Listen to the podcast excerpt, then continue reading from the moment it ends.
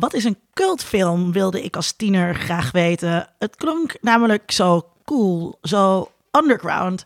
Je moest ervoor in de know zijn.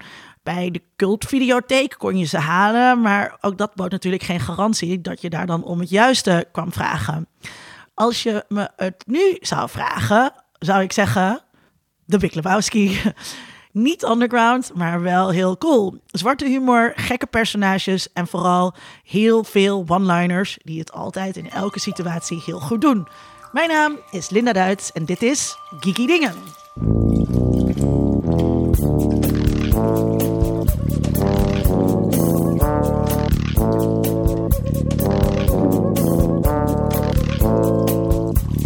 Is Tom Aalmoes en mijn favoriete The Big Lebowski quote is That rug really tied the room together. Mijn naam is Sidney Smeets en uh, mijn favoriete quote uit The Big Lebowski is... Yeah, well, that's just like um, your opinion, man. Mijn naam is Armin Hakverdian en mijn favoriete quote uit The Big Lebowski is... 3000 years of beautiful tradition from Moses to Sandy Koufax. You're goddamn right, I'm leaving the fucking bass! Um, ik had ook dezelfde als uh, Sydney, maar als backup um, heb ik dan... This is what happens, Larry. You see what happens, Larry? Do you see what happens when you fuck a stranger in the ass? This is what happens. You see what happens, Larry. You see what happens. This is what happens, Larry, when you fuck a stranger in the ass. Larry. I am the walrus. um, ja, uh, welkom, Armen Hakverdian. Hoi. Hoi, de gedroomde gast voor deze uitzending over de Big Lebowski. Um, je bent universitair hoofddocent politicologie aan de Universiteit van Amsterdam. Ja. Ook onderwijsdirecteur, ah. vandaar de zucht. ja, ja. Daarnaast ben je podcastmaker. Je maakt de Stuk Rood Vlees podcast, die ik met heel veel plezier luister. Ook al is hij dus net altijd iets te kort. en de reden uh, waarom ik jou heb gevraagd voor deze aflevering... was voor mij onmiskenbaar toen we de Big Lebowski op de lijst zetten. Toen zei ik, dan hebben we Arben Akverjan mm -hmm, nodig. Direct. Omdat jij, de, de, de luisteraar weet het al... want ik heb dit de vorige aflevering aangekondigd de epische aflevering over uh, de eerste, volgens mij, de eerste in de rij Brexit-afleveringen uh, hebt gemaakt. Waarin je je vraaggesprek zo had ingesteld dat je steeds met een quote uit de Big Lebowski begon. En vervolgens sloegen die allemaal uh, op, op Brexit. Ja. Met Rob ja. Ford van Manchester University. Zeg klopt, ja, nee, dat klopt. Het is een film die Rob en ik. Dus wij zijn studiegenoten van van vroeger uit, uh, uit Engeland. En uh, deze film was, denk ik, een soort vehikel voor ons om met elkaar te communiceren. Hoe triest dat ook klinkt. dus wij een aantal andere... Klinkt helemaal andere... niet triest, dat klinkt ja, gewoon normaal het, en het was geeky. Super, het was super leuk. En ik, heb, ik ben ook heel blij dat ik gevraagd ben voor deze film, want uh, hij is mij wel heel dierbaar, merkte ik. Dus ik heb... Mm-hmm. Ik dacht eerst van, zal ik hem terugkijken? Want dit is echt de film die ik het vaakst heb gezien, denk ik, in mijn leven als ik met, met, met herkijken en zo. Mhm. Ik tel even niet Star Wars en zo mee van, van mijn puberteit, want dat, dat, dat is niet eerlijk. Maar gewoon als volwassen man Mhm. heb ik deze film echt te vaak gezien. En ik dacht, ik ga gewoon als een soort van test, ga ik hem gewoon niet kijken. En dan ga ik hier gewoon, ik kan, ik, ik kom gewoon goed beslagen ten ijs. Ik heb deze film gewoon zo vaak gezien. Mhm. En toen dacht ik, nee, het is eigenlijk wel een hele leuke film. Dus ik kijk hem gewoon zaterdag nog even een keer. En toen heb ik hem zondag nog een keer gekeken. en dus het is superleuk om hier te zijn. Ik, uh, ik kijk er naar uit. Goed zo, goed zo. Um, ik ga straks ook nog vragen uh, hoe die kijkervaring dan uh, was. Um, maar ben jij voor de rest een beetje geeky? Ik vind zelf van wel. Maar het is met al deze dingen is het door de jaren heen denk ik een beetje geërodeerd. Dus ik, ja, ik vast wel, zeg maar, alle dingen die je een beetje, denk ik, met geeky dingen associeert. Van games tot, tot films, fantasy, science fiction, dat soort dingen heb ik eigenlijk allemaal wel gedaan. Met name in mijn puberteit en in mijn studententijd. En dan laat door de jaren heen, ja, heb je er niet meer zoveel tijd voor om echt te duiken in. Omdat je kinderen mm -hmm. hebt, bedoel je? Kinderen, het leven. Je, je verliest ook gewoon je. Je moet, gewoon eerder, je moet gewoon eerder naar bed, dus je hebt gewoon minder tijd. Dus ik heb, uh, nee, maar ik uh, dus nog steeds, kijk, Star Wars komt uit, een paar jaar geleden, opnieuw. En ik, dat is voor mij echt veel te belangrijk dan ik eigenlijk zou willen toegeven aan mijn nieuwere vrienden die mij niet kennen van vroeger. Dat soort dingen. Dus het is wel, er zitten een aantal van die dingen die ik uit mijn soort van echt mijn, mijn geek hoogtepunten meeneem. die ik niet meer kwijtraak.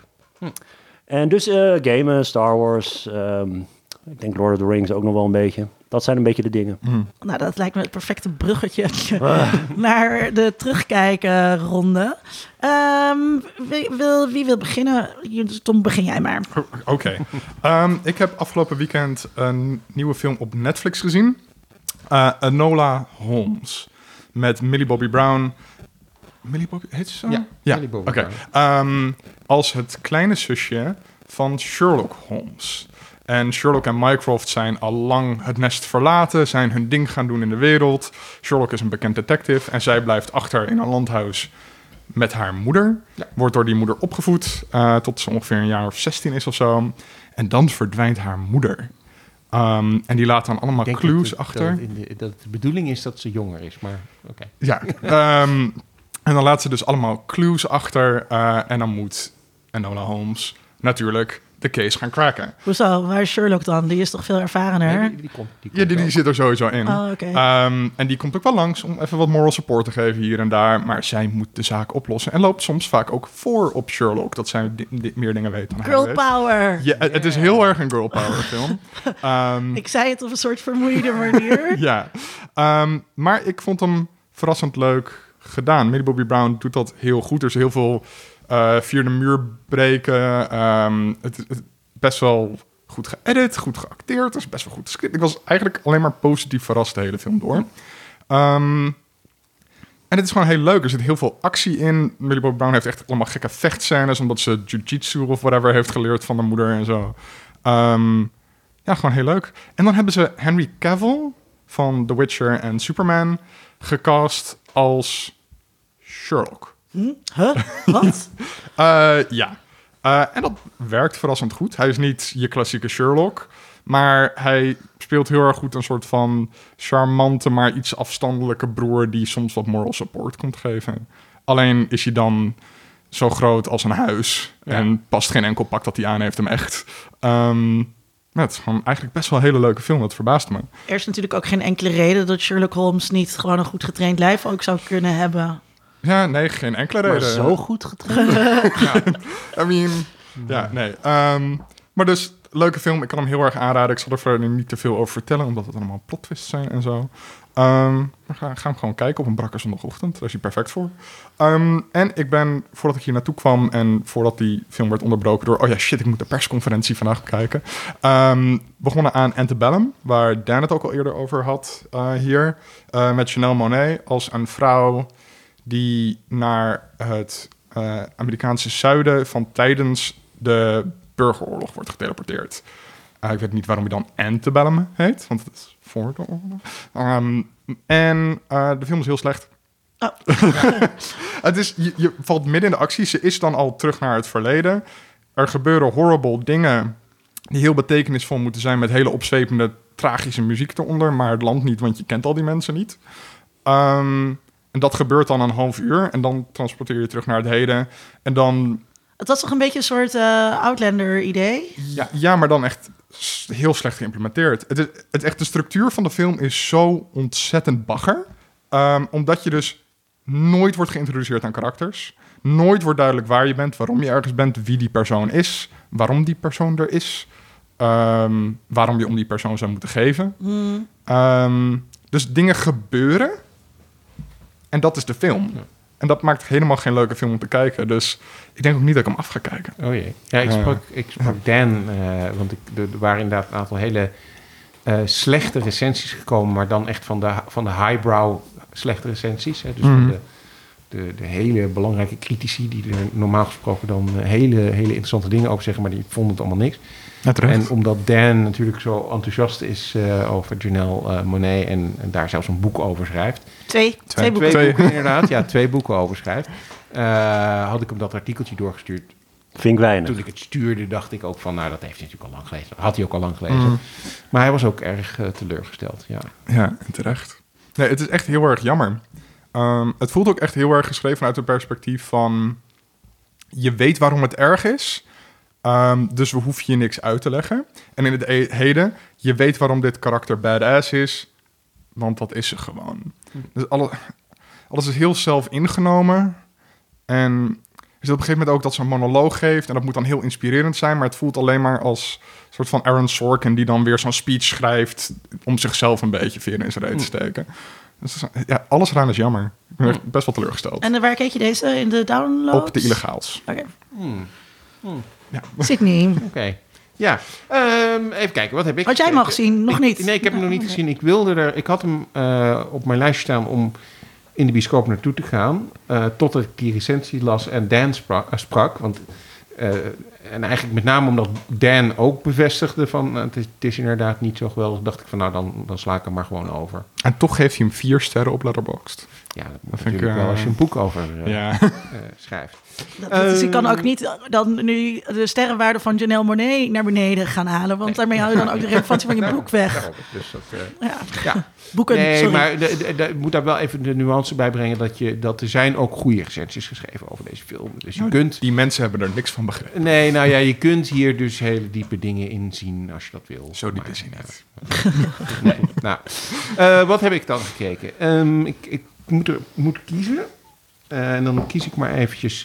Het eerste eh, is Utopia. Utopia is een eh, serie die ehm, in 2013 in Engeland werd uitgezonden. En nu geremaked is in de Amerikaanse versie. En dat hebben ze heel goed gedaan. Het is wel heel anders dan de Britse versie, die ook al heel vooruitstrevend was met kleurgebruik en muziek en dat soort dingen. En de Amerikaanse versie is ook gewoon weer goed. Ehm, kort gezegd, er is een stripverhaal geschreven, dat heet Utopia. En in dat stripverhaal zitten allemaal aanwijzingen over eh, pandemieën waar de mensheid mee geconfronteerd gaat worden in eh, de tijd vanaf het moment dat dat stripboek is uitgekomen. Ehm, en het verhaal begint eigenlijk op het moment dat het vervolg op Utopia, namelijk Dystopia, wordt gevonden. Eh, waar dus weer nieuwe aanwijzingen voor een nieuwe pandemie in zitten. En die nieuwe pandemie die staat dan op dat moment op het punt van uitbreken. Eh, wat natuurlijk, eh, toen ze deze serie ging maken, hadden ze natuurlijk niet bedacht dat we nu in een Mhm. pandemie zouden zitten. Dus iedere aflevering begint ook echt met een disclaimer dat het niet gebaseerd is op en dat het allemaal niet waar is en dat je dus niet mensen in een soort complotwaanzin Mhm. waanzin brengt. Ehm, maar het is gewoon heel leuk ge- gespeeld. Het, dat, dat, dat complot of die, die, dat mysterie is gewoon interessant. Eh, het is natuurlijk heel ver gezocht allemaal, maar het is wel leuk gedaan. Het wordt leuk in beeld gebracht. Er zit heel veel, heel extreem geweld in. Eh, ook van kinderen. Eh, Van kinderen. ja, Oeh, wat- it. ja, dat, is, dat, dat maakt het Extreem natuurlijk... ex- gewelddadige kinderen. Extreem gewelddadig Ah. kinderen. Dus dat maakt het ook alweer heel apart. Er zit ook een bepaalde humor in. Ehm, ik, ik vond het heel leuk. Het staat op Prime Video. Dus mocht je dat hebben, dan kun je het daar kijken. En anders kun je een abonnement nemen. is volgens mij e- eerste maand gratis. Dus eh, Linda kijkt mij weer heel erg. Ja, precies. Maar goed, eh, eh, dat, dat vond, ik een, vond, ik, vond ik leuk om te kijken. En het zijn maar een aflevering of zes of zo. Dus je Hmm. bent er ook vrij snel eh, door. Je kunt het op een, op een weekend eh, kun je het makkelijk kijken. Ehm, en verder heb ik er nog drie, maar dan moet ik er één kiezen. Ehm, Dit is waarom we max 2 doen. ja, ik, eh, ik, eentje sla ik over omdat ik denk dat een van jullie die al gaat eh, zeggen, hoop ik. En die andere sla ik over omdat ik alleen de naam even noem. En dan weet iedereen toch al waar die over gaat. Challenger, the final flight. Nou, dan weet je dat het over de ramp met de Challenger gaat. Ehm, en wat ik nog gekeken heb is Jurassic World Camp Cretaceous. Eh, dat staat ook op Netflix. Eh, is eigenlijk een, een kinderserie. Ehm, en als je hem begint te kijken, dan zou het heel goed kunnen dat je denkt van... nou, waarom zit ik hier naar te kijken? Dit is eigenlijk gewoon voor kinderen. En wat is de point? En vooral als dan de dingen gaan gebeuren, dan denk je van... ja, maar ik bedoel, we hebben nu al, wat zijn het, vier, vijf eh, films gehad... ja. waar iedere keer iets misgaat en iedere keer de dinosaurussen mensen gaan aanvallen. Dus ja, dan gebeurt het hier weer. Dan denk je op een gegeven moment van, ja, kunnen ze niks anders bedenken.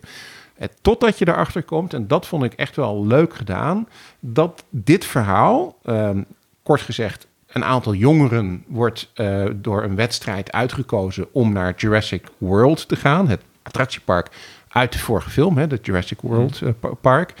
Ehm, en daar mogen ze met elkaar een soort van kamperen tussen de, tussen de dino's. Camp Cretaceous heet het daarom. Ehm, maar totdat je erachter komt dat dat verhaal zich afspeelt tijdens die vorige film. Dus alle Oh. dingen die in de vorige film gebeuren, misgaan, dat zijn de dingen waar ze mee te maken krijgen. Oh, dat is best wel leuk en bedacht. dat is Ja. heel slim bedacht. En dat maakt het ook best nog wel gewoon dat je denkt... oh, dat vind ik, vind ik eigenlijk gewoon wel leuk om te zien. Want ik vond die film ook prima. was geen, niet de beste Jurassic Park film, maar ik vond het gewoon prima. Fallen Kingdom bedoel je? Eh, nee, Nee. de laatste, Lost World. Of eh, niet Lost World, eh, Jurassic World. Nee, maar Ja. Jurassic World Oh ja, de- nee, die daarvoor, ja, precies. Nee, niet, niet die sequel, maar die, de, eer- Gewoon de de eerste... originele Jurassic World. de De- ja, de eerste Jurassic Ja. World Nee, dat is een goede Dus film. Ja, niet top. de- de Jurassic Ja. Het is Park. ingewikkelder dan Ja, de is laatste alweer- aflevering precies. van Zomerpromenade. Daarom, daarom. Maar goed, Jurassic World dus. Geweldig Tijdens. Jurassic World speelt zich dit verhaal af. En deze kinderen, ehm, dat vond ik ook wel grappig. Ehm, het is een, een kinderserie, want het is geanimeerd, eh, Hmm. hè, dus met computeranimatie. Maar tegelijkertijd gaan gewoon wel mensen dood. Eh, wat eigenlijk voor een kinderserie best wel opmerkelijk is. want Kinderen mensen- gaan er ook kinderen dood. Nou, Wil deze kinderhater weten. ja, maar eigenlijk natuurlijk ook weer niet. Maar er gaat wel een kind een soort van dood. En dan helemaal aan het einde van de serie kom je erachter dat misschien het toch anders is. Wauw, spannend. Eh, dat was hem? Dat was hem. Nou ja, ten, tenzij ik er nog een paar mag. maar- Nee. oké, nee. Nee. Ehm, even kijken. Ik, heb, ehm, ik was heel erg blij dat afgelopen week een ehm, soort van mini-uitbreidingje van Civilization 6 werd ehm, eh, uitgegeven. Dus ik, eh, Civilization is een beetje een stabiele factor in mijn leven. En we zitten inmiddels bij Civilization 6. Met alle uitbreidingen erbij. Dus Gathering Storm, Rise and Fall. En ze hebben zo'n... En Ze wat, hebben af wat en toe die- van die- wat is die uitbreiding dan? Ja, ze hebben van die kleine pakketjes die ze af en toe uitdoen met nieuwe civilizations erin. Die je kunt spelen. En deze keer was het Byzantium en de Galliërs. En Byzantium zit redelijk dicht bij waar ik oorspronkelijk vandaan kom. Ehm, tussen de Eufraat en de Tigris. En ehm, dus dat was leuk om daarmee even te spelen en iedereen kapot te maken. En met de Galliërs heb ik, ehm, heb ik gewoon even heel snel tussendoor eventjes... eh, Een heel klein dorpje gemaakt. nou ja, het begon heel klein. En toen heb ik Rome er ook ingezet als mijn tegenstander. En toen heb ik eh, Trajanus even alle hoeken van de kamer laten zien. Nou, superleuk. Goede week gehad. Ehm Six Semper Tyrannis. Ehm, kleine knipoog naar Big Lebowski straks. Maar goed, dat. En ehm, ik ben ook bezig met een rewatch van Lost. De tv-serie Lost. Oh, echt? Ja, en ik, eh, ben, ik, eh, ik heb hem helemaal afgekeken nu weer. En Oh. ehm, van begin tot eind.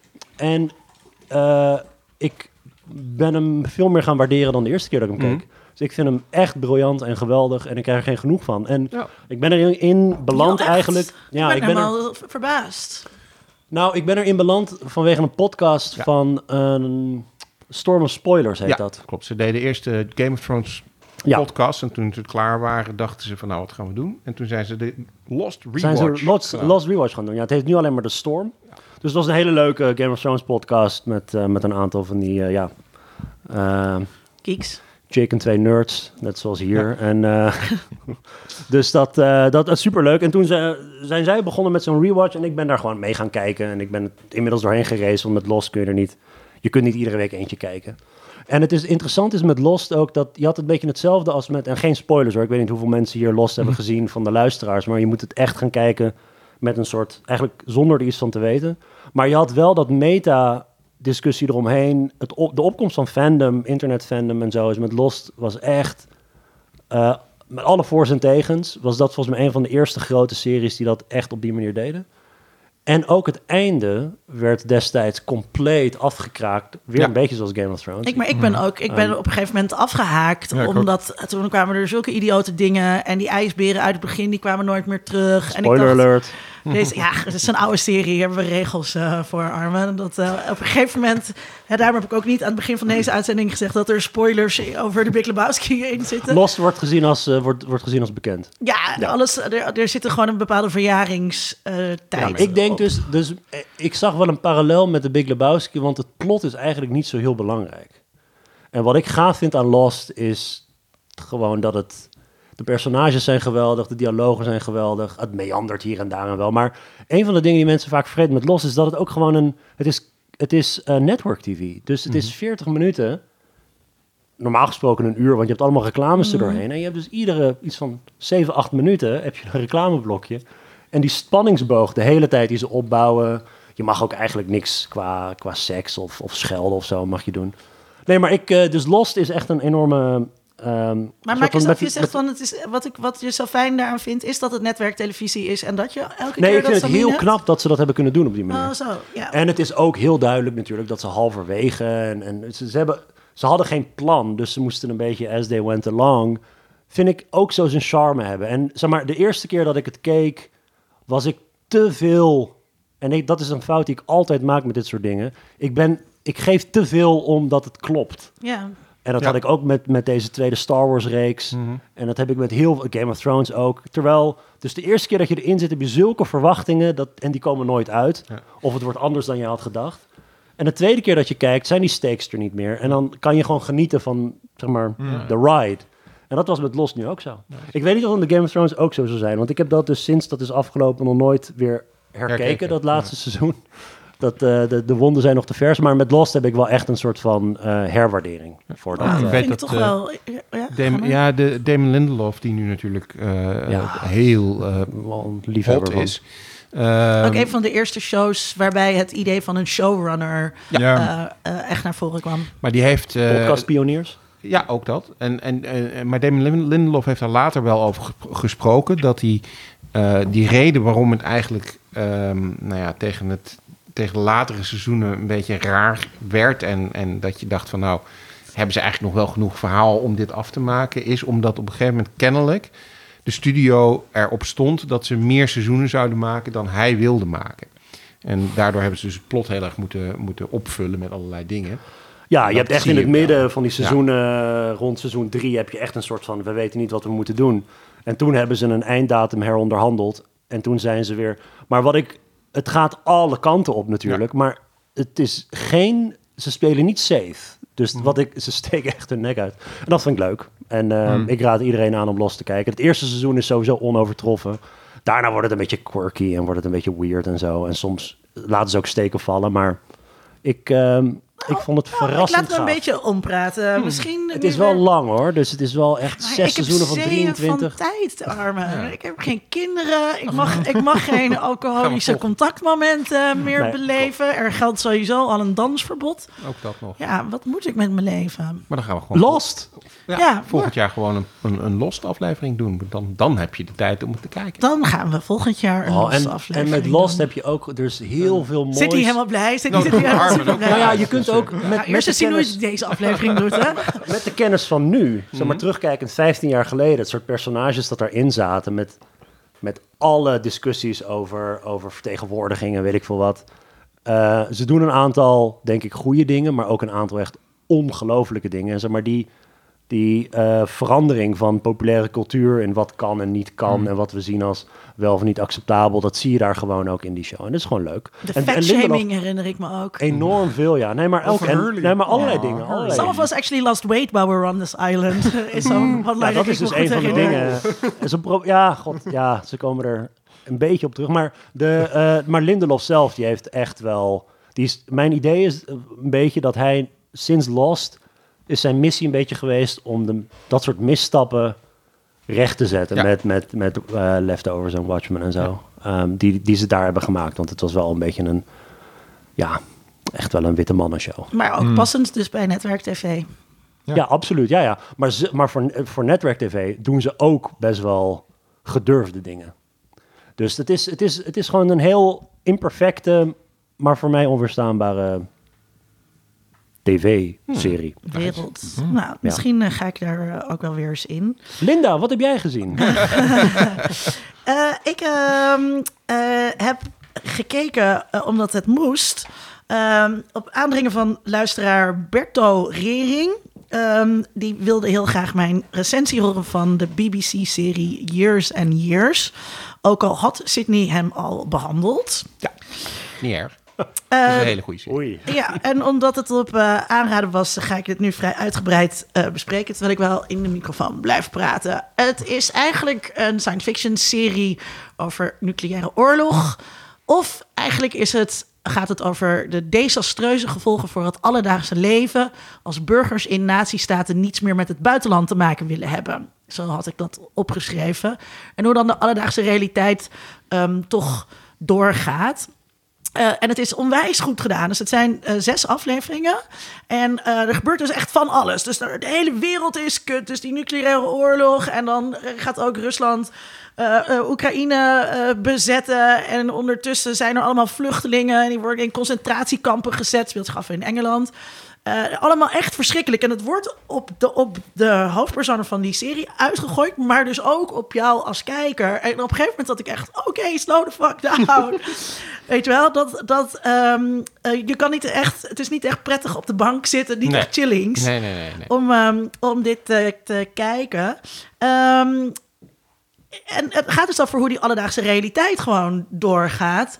Dus uh, het gaat over een, een, familie, wat dan ook een beetje een modern family is. Dus er, uh, uh, iemand is gay en iemand heeft een interraciale, interraciale relatie. Dus ook weer allemaal perfect gerepresenteerd en zo. Um, en het, het leven van hun gaat door. Dus ja, gaat er iemand vreemd en dan, en, en dan denk je, mijn broer, dit kan me toch niet voorstellen dat hij nou degene zou zijn die in affaire zit. Die familieleden daar een beetje over te lachen. Dus, en dat is natuurlijk voor ons heel erg herkenbaar in die pandemie waarin we zitten. En volgens mij zei jij toen, Sydney, het is als um, kreeften die levend gekookt worden.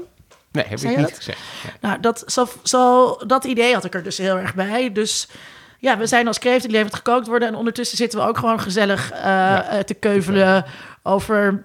Uh, liefdesleven of, of, of, dat soort dingen. Terwijl om ons heen de meest vreselijke dingen aan het gebeuren zijn. Om, mm -hmm. Corona, smeltende ijskappen, fascisme in uh, Amerika.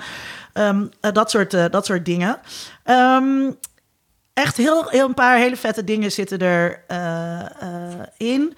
bijvoorbeeld over de vluchtelingencrisis.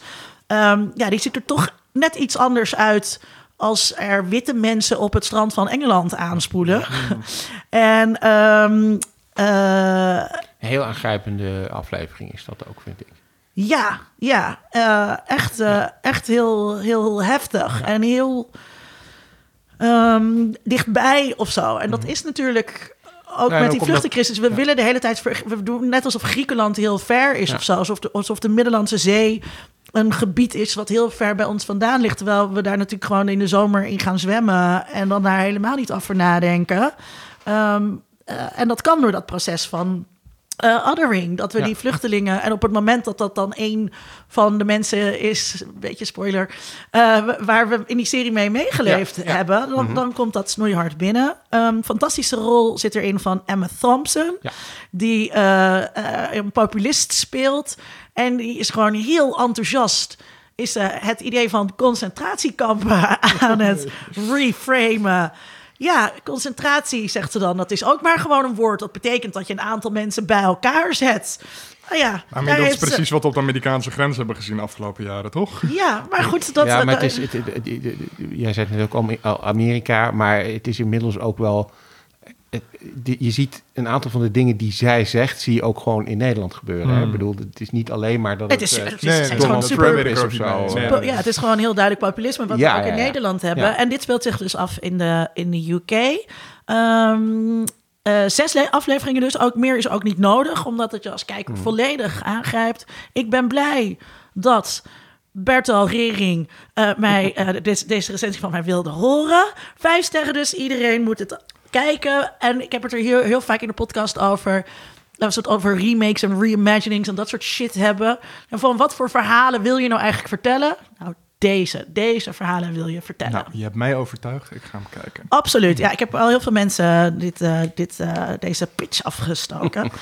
En nog Ehm, even misschien voor de luisteraar die het niet helemaal snapt. Waarom heet het Years and Years? En dat is omdat ze steeds eh, sprongen in- de tijd maken. Dus je Hmm. ziet een hele lange tijdsperiode in eh, het leven van die, van, die, van die hoofdpersonen. Waardoor je dus ook heel veel eh, van die ontwikkelingen Hmm. kunt zien. Hè? Want op het moment dat je zegt, ik wil een concentratiekamp... ja, dan is het er nog niet meteen. Maar een paar jaar later zie je dan wat de gevolgen daarvan eh, van Ja. zijn. Ja, Eh, dus dat. Ehm, en eh, daarna heb ik, ik denk dat ik je teleur ga stellen hoor, Sydney. Ja. Eh, daarna heb ik eh, gekeken naar Killing Eve. Ja, dat had ik niet... Die zag je niet aankomen? Nee, want dat, ik ben late to the game. Hierbij ook mijn excuses aan Natasha V. Die wel duizend keer tegen me heeft gezegd, volgens mij, Dat niet. Ja. dat, ik, dat ik dat moet kijken. Ehm, Killing Eve is een spionageserie over een uh, internationale huurmoordenaar en de, uh, eigenlijk, uh, ja, de, dus de, de, de geheime agent, de medewerker van MI6, die op die huurmoordenaar jaagt. die huurmoordenaar is een vrouw en de medewerker van MI6 is ook een vrouw. En het zijn hele interessante vrouwen. Het is met vrouwen en, en ja, dat maakt dus voor een hele interessante, spannende relatie tussen die twee vrouwen. James Bond, zoals je het nog nooit gezien hebt, niet met hele dikke actiescènes, maar met een heel interessant psychologisch spel tussen die twee. En uh, het speelt zich allemaal af in Europa. Mhm. En dat betekent dat je dus uh, allemaal Europese steden ziet. En dat is heel leuk. En ze zijn ook in, op een gegeven moment kwamen ze ook in Amsterdam. En dat was een beetje jammer. Ik vond het jammer hoe het sekswerk op de wallen gerepresenteerd mm. werd. Um, zowel vanuit het perspectief van de sekswerkers als uh, alsof je zomaar achter een raam kan gaan zitten, alsof je geen klanten mag weigeren. Dus dat is even een kanttekening. Uh, het is volgens mij van uh, Phoebe Waller-Bridge. Phoebe Waller-Bridge heeft eraan meegeschreven van Fleabag, ja. ja. ja. Um, Sandra Oh speelt de MI6-medewerker. en ik vind, ja, ik, dat is echt heel tof gedaan. Echt heel leuk om naar te kijken, vond ik het.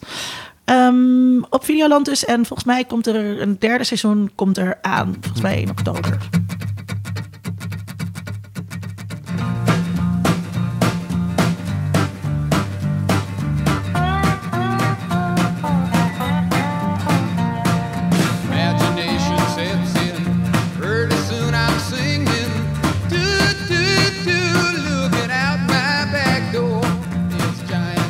De Big Lebowski de Big Lebowski. Mm laten we uh, het om te beginnen er eens over hebben. vinden we dit allemaal een heel aantrekkelijke film? En, en waarom vinden we dit zo'n aantrekkelijke film? Van Armen hebben we het al gehoord. Uh, jij, had jij het wel eens gezien, Tom? Ja, ik heb um, in het begin van mijn puberteit... Uh, heb ik best wel veel gekeken omdat ik bij een groepje van die langharige alto's zat en iedereen noemde elkaar dude. Dus dan was het heel erg cool als er een film was waarin de dude met lang haar mm. dingen aan het doen was. Dus dat was echt zo'n go-to film voor onze vriendengroep om dan over te hebben. En dan natuurlijk ook uh, liberaal uit quote. Um, en dat was eigenlijk ook de laatste keer dat ik hem gezien heb. Dus dat ik echt 15 of 16 was. Je hebt hem eh, één keer gezien? Nee, nee, nee. Toen keek ik hem wel oh. vaker. Um, en... Maar hoe vaak heb jij hem gezien? Naar schatting? Ja. Ballpark? Ja, weten we echt wel... ja, dat, ik, dat gaat bijna denk ik wel richting de, weet ik veel, 60, 70, wow. 80. Ja, gewoon echt bijna... Ja, kijk, dat we even... Heel vaak. Ja, ja. Uh, jij zit niet? Bijna maandelijks in een bepaalde periode. Dat ik hem gewoon, ja, ik vond het gewoon heerlijk om zelf ook wat te nemen en hem te kijken. Ja, ja. Uh, ik heb hem een keer of vijf, zes gezien. Maar niet, uh, niet veel vaker dan dat. Maar mm. ik, ik heb hem nog nooit gezien als ik wat genomen had. Dus dat is misschien nog wel een uh, doe ding het, voor, de, niet, doe het. voor de toekomst. Ja. maar ik vraag het me af, want het is eigenlijk, het, is, het, wordt genoemd, het wordt wel een stonerfilm genoemd, maar eigenlijk is het dat, vind ik helemaal niet. Oh, dan kom je omdat jij geen stoner bent. Ja. Ja, maar ook omdat er eigenlijk nauwelijks drugs in gebruikt worden. Ja, maar daar rookt dan ook niet om. Af en toe. Hij bloot af en toe. Hij, bloot, hij, is de hele dag door aan het blowen. Hij is zoveel aan het blowen dat je niet door hebt dat hij de hele tijd aan het blowen is. Er zitten mooie scènes in dat je, dat je niet eens door hebt dat hij dat hij ook bijvoorbeeld heel terloops, soms zit hij natuurlijk gewoon te mhm. blowen, maar heel terloops. Een van de scènes in die, aan die bar, dat, dat Walter en, ehm, de dude in die bar zitten waar die mhm. een beetje over, over, die, over die teennagel, weet je wel. Mhm. En op een gegeven moment krijgen ze een beetje ruzie van uh, forget about the fucking toe en mhm. dat soort dingen. En dan op een gegeven moment dan krijgen en dan staat de dude op en dan uh, gooit hij wat uit zijn zak, gooit hij op tafel. En um, uh, wat, wat geld voor het koffie die hij heeft gedronken. En daar zit dus een joint bij die hij snel weer in zijn, in zijn zak doet. Dat soort kleine ah, dingetjes zitten de hele tijd in. En ook hij, hij heeft um, eigenlijk is hij volgens mij bijna de hele film door sowieso stoned. Ja, absoluut. Ja, uh, absoluut. En zijn ogen en, en alles, maar en, echt... zijn he en, en zijn hele... Het is ook hoe hij dan zeg maar door de supermarkt loopt en dan... En dan, ja, maar daarvoor moet je dus wel zeg maar weten hoe het is om, om stoned door de supermarkt te lopen. Ja, dan ziet hij die melk, is het geloof ik. En dan kijken ze ook een beetje om zich heen. Ja, dan, dan drink je gewoon die melk. Dat is wat, wat mensen eh, die drugs op hebben gewoon ook doen. Ja, en hij kan ook geen... ge- Dus hij is best wel incoherent, dat soort dingen. Maar het is niet een, het is niet een film waarin enorm getript wordt. Er zitten wel een Nee. aantal... Maar goed, ja, het is dus- geen uh, Cheech and Chong-achtige film. Nee. Maar ik, ik vind het dus wel, ik vind wel echt een stoner film. En dus ook zo- zo'n film die je inderdaad eindeloos kijkt als je aan het blowen bent. Omdat, omdat zeker als je zo'n film eh, vaak al hebt gezien, hoef je, je, hoeft, je hoeft niet meer zo goed op te letten. en elke keer is er weer die herkenning. Maar is het niet meer een film die, die laat zien hoe het is om een stoner te zijn... dan dat het echt een stonerfilm is in de zin van hè, de, de stonerfilms... waar iedereen inderdaad eh, helemaal bezig is met blowen en bongs... en weet ik veel wat allemaal en gekke dingen doet. Want daar gaat de film helemaal niet over. Het is, hij is een stoner en hij doet dingen die stoners Nee, maar doen. het is dus heel prettig.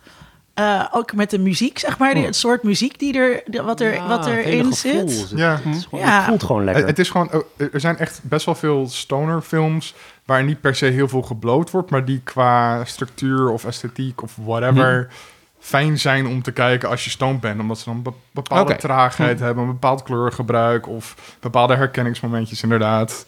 Ehm, dat maakt voor mij ook wel heel erg een stoner. Oké. Ik vind hem ook heel leuk Ga- ik ga nuchter wel trouwens. Hoor. Dus Ja. Je, hoeft, je hoeft niet... Hij is ontzettend Absoluut leuk als je niet. nuchter bent. Maar hoe vaak heb je hem uh, stoned gezien? Nee, niet zo vaak. Oh, dat valt wel mee. Nee, het is, ik, eh, ik vind het een film die... Het is ook een, ja, het is een beetje zoals ook die game Civilization waar ik het over had. Je kunt hem, je kunt hem ook gewoon ophebben terwijl je andere dingen doet, vind ik. Mm. Dus het is, Heel makkelijk, ja. het is heel fijn om hem als een soort achtergrond op te hebben. En mensen kabbelen erin en uit en komen terug en zo. En het is ook gewoon een leuke film om gewoon echt serieus te kijken. Zoals ik afgelopen weekend weer eens een keer heb gedaan. Gewoon lekker te gaan zitten met een biertje en gewoon kijken. Dus het is gewoon, het is niet zo high stakes. Ehm, het voelt gewoon lekker, vind ik. En het is, ik vind het een, het afgelopen weekend toen ik het keek weer van, gewoon een charmante film. Ik vind het gewoon een, een, een, een, een vriendelijke, charmante, ja, eigenlijk harmless. Ja. En dat, dat hou ik, daar hou ik heel erg van. Mhm. En is het dat, dat je, want je zegt je kan hem ook opzetten als je iets anders aan het doen bent. Ja. Komt dat ook omdat het verhaal er eigenlijk niet zo toe doet? Ja, absoluut. Ja, absoluut. Ja. Vind ik wel. Ja. Ja. Dus je kunt. Kijk, dat verhaal, daar zullen we het zo misschien wel over hebben. Maar ja, je kunt er. Je kunt het. Dus het verhaal zelf, dat.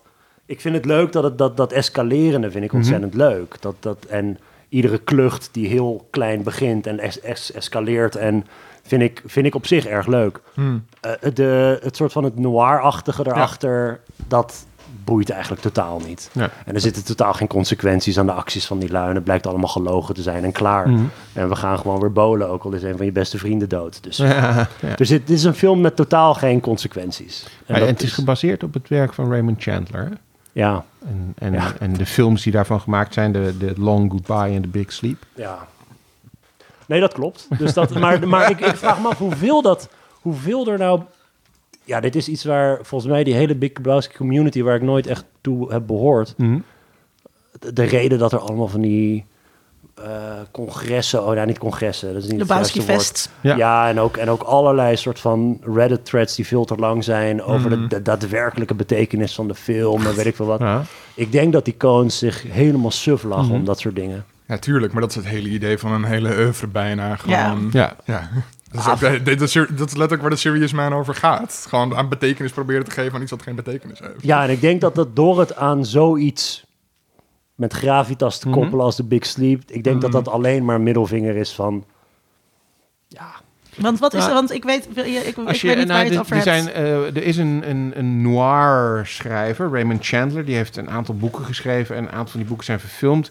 En je kent het waarschijnlijk van de detective Philip Marlowe. Als je, als je, als je een noir detective noemt, dan denkt iedereen, althans heel veel mensen denken dan aan Philip Marlowe. Ehm, en die speelt de hoofdrol in The Long Goodbye en in The Big Sleep. Eh, dat, die films die zitten heel veel jaren uit elkaar. Het zijn ook hele andere acteurs. Uh, maar dat zijn soortgelijke films in die zin dat het ook daar niet zo heel erg om het plot gaat. Want dat plot dat is zo complex dat eigenlijk niemand het kan volgen. En in, in de Big, nee, in ja, in Big Sleep hebben ze op een gegeven moment een hele acte uit de film geknipt. Omdat, eh, omdat die film in de kast was blijven liggen. En een van de actrices was veel populairder geworden. Dus hebben ze die een grotere rol gegeven, maar hebben ze dus een ander uitgeknipt. Waardoor het verhaal al helemaal niet meer eigenlijk klopt. Uh, maar dat doet er ook dus niet zoveel toe. maar wat heeft dat met de Big Lebowski te maken? Net als in de Big Lebowski, dat het verhaal er niet zo toe doet. Het gaat om de dialoog, om de sfeer, om hoe mensen met elkaar omgaan. Het wordt heel vaak beschreven ook als een neo-noir. Ja. Omdat het dan Kijk, het ding met, is, met wat, wat, ze, ze, wat ze gemeen hebben met elkaar is ook dat, dat eigenlijk als Maud gewoon bij die eerste ontmoeting had gezegd wat ze van haar vader wist, was het klaar. ja. Maar dat heeft ze niet gedaan. En iedere keer dat er een nieuw personage komt, wordt een klein onderdeel van het verhaal wordt blootgegeven. Hmm. Slaat helemaal nergens op. In het echt gaan mensen nooit zo met elkaar om. Nee. Maar iedere keer dat dat ontvouwt zich zo en het is nodeloos complex en je hebt nodeloze. Dat sluit dus ook heel erg aan bij Blowen. Hmm. Dat, um, dat, dat iets dus. Hmm zeg maar, terwijl, en, en het wordt complexer en complexer. En ergens had je de train of thought nog wel. En dan, dat is, dat is ook wat er gebeurt als je Stone een gesprek voert over het lot van de wereld. Hmm. Ja. ja, dus dat is een beetje, denk ik, de, de gelijkenis is, is dat je iedere keer... Ik bedoel, je, je hebt sommige personages die we allemaal, denk ik, wel op ons netvlies gebrand zijn. Maar die pas na een uur of zo komen opduiken. Met een heel belangrijk soort stuk informatie voor het verhaal. Ja, dat, eh, maar eigenlijk boeit het helemaal niet. Want uiteindelijk... En wat was dat stuk informatie ook alweer eigenlijk? Dat weet je dan weer niet als de film is afgelopen, maar je weet precies wie dat persoon was. Ineens komt die detective van de Knoetsens. En dan heb je ineens de knoet na anderhalf uur of zo. Dan denk je van, hè? Eh, maar dat soort dingen. Het is gewoon, ja, maar ik, uh, dus het, dat, maar dat maakt allemaal geen bal uit, vind ik, voor de voor film. Voor mij was het dus, uh, in mijn, ik, ik heb hem ook dit weekend weer gekeken. Ik denk dat ik de film Um, nou, ik denk zo'n 15 keer heb gezien. Um, waarvan zeker meer dan de helft onder invloed van softdrugs. um, en, en, en, wat, ik, wat ik zo fijn vond, ik was echt zo, oh, Philip Seymour Hoffman. Ja. En wat was hij mm. nog jong. En wat een onwijs heerlijke rol speelt hij. En toen, oh my god, Tara Reid. Ook perfect in die rol. En alle personages zijn zo over de top. Ja. Maar tegelijkertijd helemaal niet glamorous of, um, of Hollywood-achtig of zo. Ze zijn heel alledaags. Hmm. Uh, allemaal. Heel, veel zijn ook gebaseerd op echte mensen. Um, de personages zijn toch vaak gebaseerd op echte mensen? Ja, nee, nee, maar echt gewoon gemodelleerd naar echte mensen. Bijvoorbeeld die uh, uh, kunst, kunstenares, dochter van uh, Maud. inderdaad. daar zit onder andere Yoko Ono in verwerkt en nog een aantal andere mensen. En die ja, het, het, ze zijn echt, maar het zijn ook wel echt van die. Het, wat het, het, het zijn al, het is allemaal sketchcomedy. Ja. En ik vind mm. het geweldig dat het sketchcomedy is. Um, maar die, uh, er, er zijn een aantal. Ik denk, ik, ja, dat is volgens mij gewoon heel dankbaar bronmateriaal uit je eigen leven. Gewoon een aantal debiele eigenschappen van de mensen die je kent bij elkaar voegen. En je hebt iemand als Walter Sobchak. Ik bedoel, mhm. dat is. Uh, Zo grappig. Ja, maar ja, en ik, uh, ik vind het heel fijn ook wat, wat hoort bij dat idee van je, je floot er een beetje in en uit en het maakt niet uit waar je inschakelt en waar, is dat ze zichzelf heel veel herhalen. Dus dat taalgebruik dat mhm. ze gebruiken. Shut the fuck up, arme! is de hele tijd maar flarden van elkaar. Niet dezelfde kerel die dezelfde dingen herhaalt, mhm. want dat gebeurt ook wel een beetje met de shut the fuck up Danny de hele tijd. Maar gewoon een, een, een heel mooi of een heel quirky soort taalgebruik, dat dan een ander personage in de scène daarna weer gebruikt. En daardoor krijg je een beetje het idee van, ja, dat is gewoon een soort van... In the parlance of our time. In the parlance of our time. Of, of Johnson voor zijn lul. Of al de, legio dingen. Dat, waar, waar gewoon meerdere personages dat zeggen. Ik vind dat heel fijn werken met soort van die roest die die film hmm. eigenlijk is. En mijn YouTube-algoritme is ook uh, wat dat betreft heel fijn dat hij af en toe scènes opwerpt. Dus zelfs als je die film van begin naar einde wil kijken... Ehm, heb je af en toe eens een scène, en dat komt in dat algoritme tussen alle hmm. andere onzin die ik kijk. Het is gewoon leuk om af en toe eens een scène te kijken. Dus op die manier denk ik dat ik ook best wel veel dingen opnieuw heb gezien. Het is hmm. gewoon, het is heel, heel fijne, kleine soort van tapas-scènes allemaal. Je kunt, nou ja, wat, uh, wat, af en toe gewoon een scène kijken en klaar. Dat is gewoon fijn. Wat Tom zei, uh, dat vind ik wel grappig dat dat dan bij jou op school dus was. Hmm. Dat zeg maar die one-liners en die one-liners kennen en dat rondstrooien, dat is gewoon een ding. Ja, dat, Dat, dat, dat, dat, ging echt op in een soort samenraapsel van en dat en Tenacious D en master movies in die tijd. Hmm. Dat is gewoon onderdeel van het taalgebruikje dan van, van shut the fuck up, Donnie. Uh, ja, dat was gewoon een ding. Iemand heette ook letterlijk Donnie in ons vriendengroep. Dus- Arm, arm iemand. Ehm, nee, dus dat, dat, dat, dat helpt wel als je daarmee een soort van gemeenschappelijke taal hebt. En dat maakt ook dat je terug blijft gaan naar die film om dat vers te houden of zo. Ja, ik snap dus ook heel goed dat wat jij dan met Rob eh, had. Dat, dat dat kan echt een onwijs basis zijn voor eh, een vriendschap. Dat je rondom eh, zo'n film en dat kijken en, en die grapjes herhalen. ehm, dat, dat, dat, dat het een basis geeft, een fundament Hmm. van gedeeldheid. Zeg maar de film die ik het vaakst heb gezien in mijn leven is The Doors. Eh, en eh, ook echt een stoner film. Eh, en en die kan ik ook, die kan ik gewoon meepraten. Gewoon, ja, dat, dat, ehm, en dat is ook heel prettig. En dan soms komt zo'n flart dan ook weer nog weer terug als een soort acid flashback. The occasional acid flashback. Ehm, ja, en want, want voor jou dan, Sydney? Wat, wat was jouw kijkervaring? Ehm, ja, ik vind het een hele goede eh, film. Maar ik kijk het niet, als, eh, niet zozeer vanuit een stoner-ervaring, maar gewoon vanuit meer een... een, een, een Je mag gewoon openen, wij doen er niet moeilijk Ja, over. We Alle doen ook gluk welkom. wijn. Probeer Ja, hoor. gezuisloos een blikje bier open te maken. Nee, Nee. dit- nee. Je, mag ook, je mag ook een nootje eten. Ja.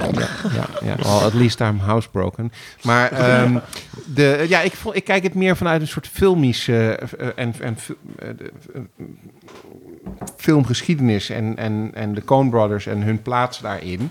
Eh, Nou, dat staat ook in het draaiboek, dus daar mag je ook over nee, beginnen. Ja. Na de kijkervaring, Ja. dus doen we maar Ehm, gewoon.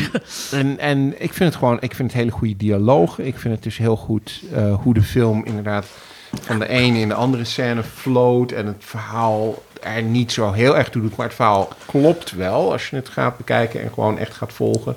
Het verhaal, eh, er zit niet iets in waarvan je zegt, ja, maar dat, is helemaal, dat kan helemaal niet. Het klopt gewoon. Ehm, en ehm, ik vind het dus wel interessant om als je dus de, de, de, de Big Sleep en eh, eh, ehm, wat was het? De Long Goodbye. als je die nog weer eens bekijkt voordat je de Big Lebowski kijkt, dan zie je toch echt wel dingen terugkomen. En ik heb het idee dat de Coen Brothers ook echt wel die films hebben gekeken voordat ze deze gingen maken. Sydney, Ja.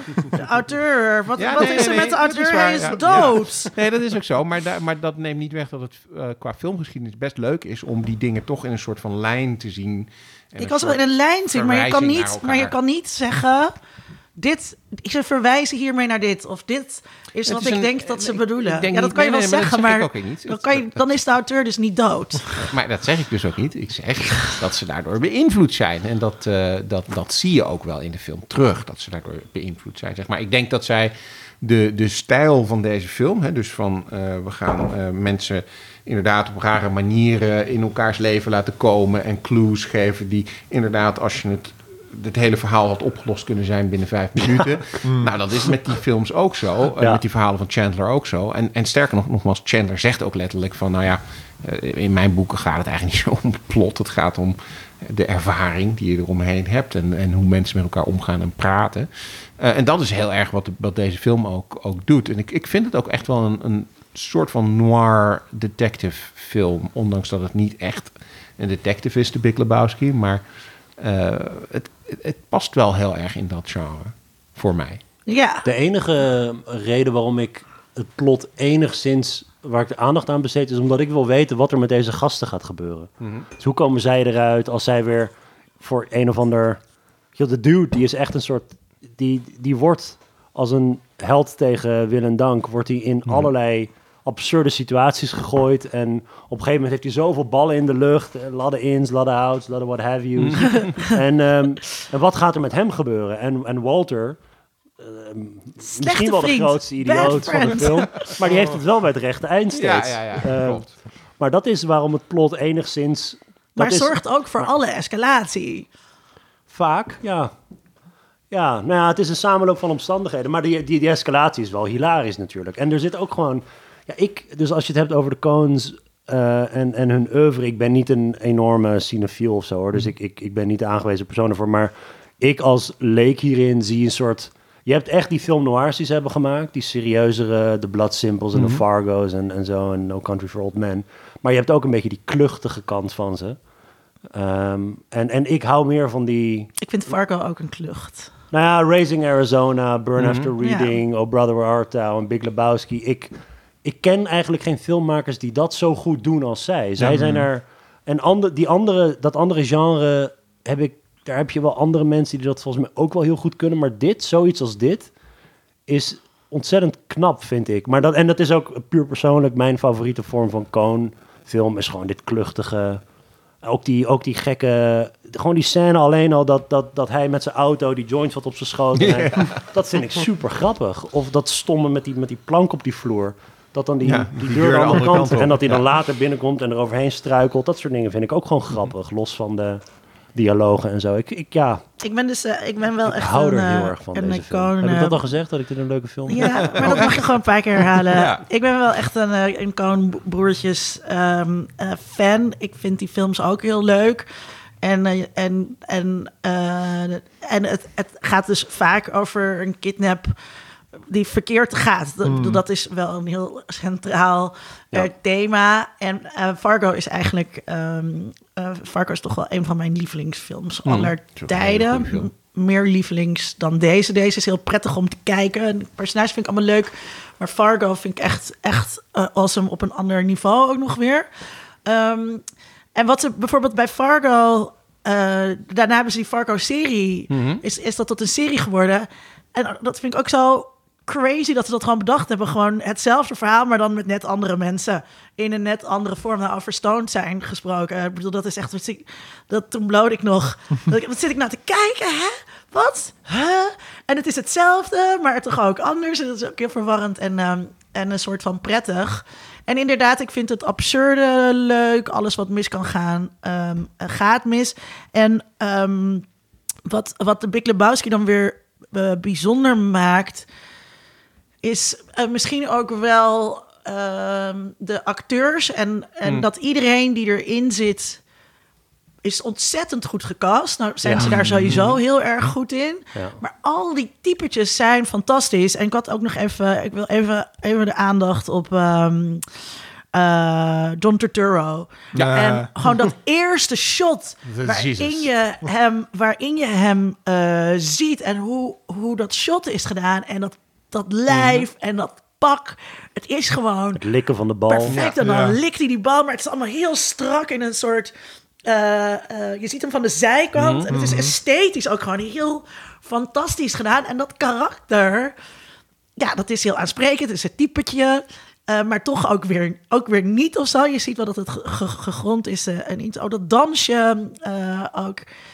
En dat, en, en het dat doet is in niks deze. voor het plot. En En dat dat is is- zo great. Ja. Het zit er gewoon in als cadeautje van de Coen Ja. Brothers aan ons. Maar En je dat denkt zit in eerst dat, deze- dat dat wordt de nemesis. Ja. En hij komt eigenlijk Ja. bijna nooit Nee. meer terug. Hij is gewoon weg. Ja. Eh, maar dat zit in deze film meer, denk ik, dan in die andere eh eh Coen-broertjesfilm. Waardoor deze er dus wel op een bepaalde manier eh, eh, uitsteekt. Maar het is eh, ehm, wat, ik, wat ik prettig vind aan die Coen-broertjes. Ik ging gisteren, keek ik ook ehm The Ballad of Buster Scruggs. Wat ook weer heel geinig gedaan is qua storytelling. Dus ze experimenteren ook wel met storytelling heel erg. Van hoe gaan we dit verhaal neerzetten. Ehm, wat ook weer heel anders is, want dat speelt zich in het Wilde Westen af. En zijn meer korte fragmenten, eigenlijk meer korte verhalen, zeg maar. Eh, maar heel herkenbaar. Meteen al bij, bij het eerste shot weet je, dit is een Koonbroertjesfilm. Eh qua de muziek en qua het personage. En, dat, en die herkenbaarheid uit zo'n oeuvre is ook heel prettig. Ik vind het altijd heel fijn als, als het, het... Voor mij voegt het iets toe aan deze film... dat ik ook weet dat de makers radicaal andere soort films kunnen maken... op de een of andere manier. Vind ik zo knap. En dat heb je met... Dus dat het feit dat bijvoorbeeld iemand als Spielberg in 93... Jurassic Park en Schindler's List weet te maken... vind ik gewoon heel gaaf. Nou goed, mijn Ja. Willem- Willem- of Kubrick, die Willem zowel Bos zou horror zeggen... dat als, zijn twee kutfilms. ja, of Maar, Kubrick die zowel horror als science fiction aan kan. Ja, alles. En, ja, ja, en, Ja. Deze, en deze lui ook. Maar als ik echt zou moeten kiezen, dan ga ik toch een beetje voor die kluchtige kant Ja. van ze. Maar ja, god, het is moeilijk kiezen. Maar ze hebben deze film voor Fargo geschreven. Toen hebben ze het even laten liggen. Toen hebben ze Fargo gemaakt. En toen zijn ze teruggekomen hiermee. En daarom dat hij ook nog En, steeds ehm, in 91 zich afspeelt.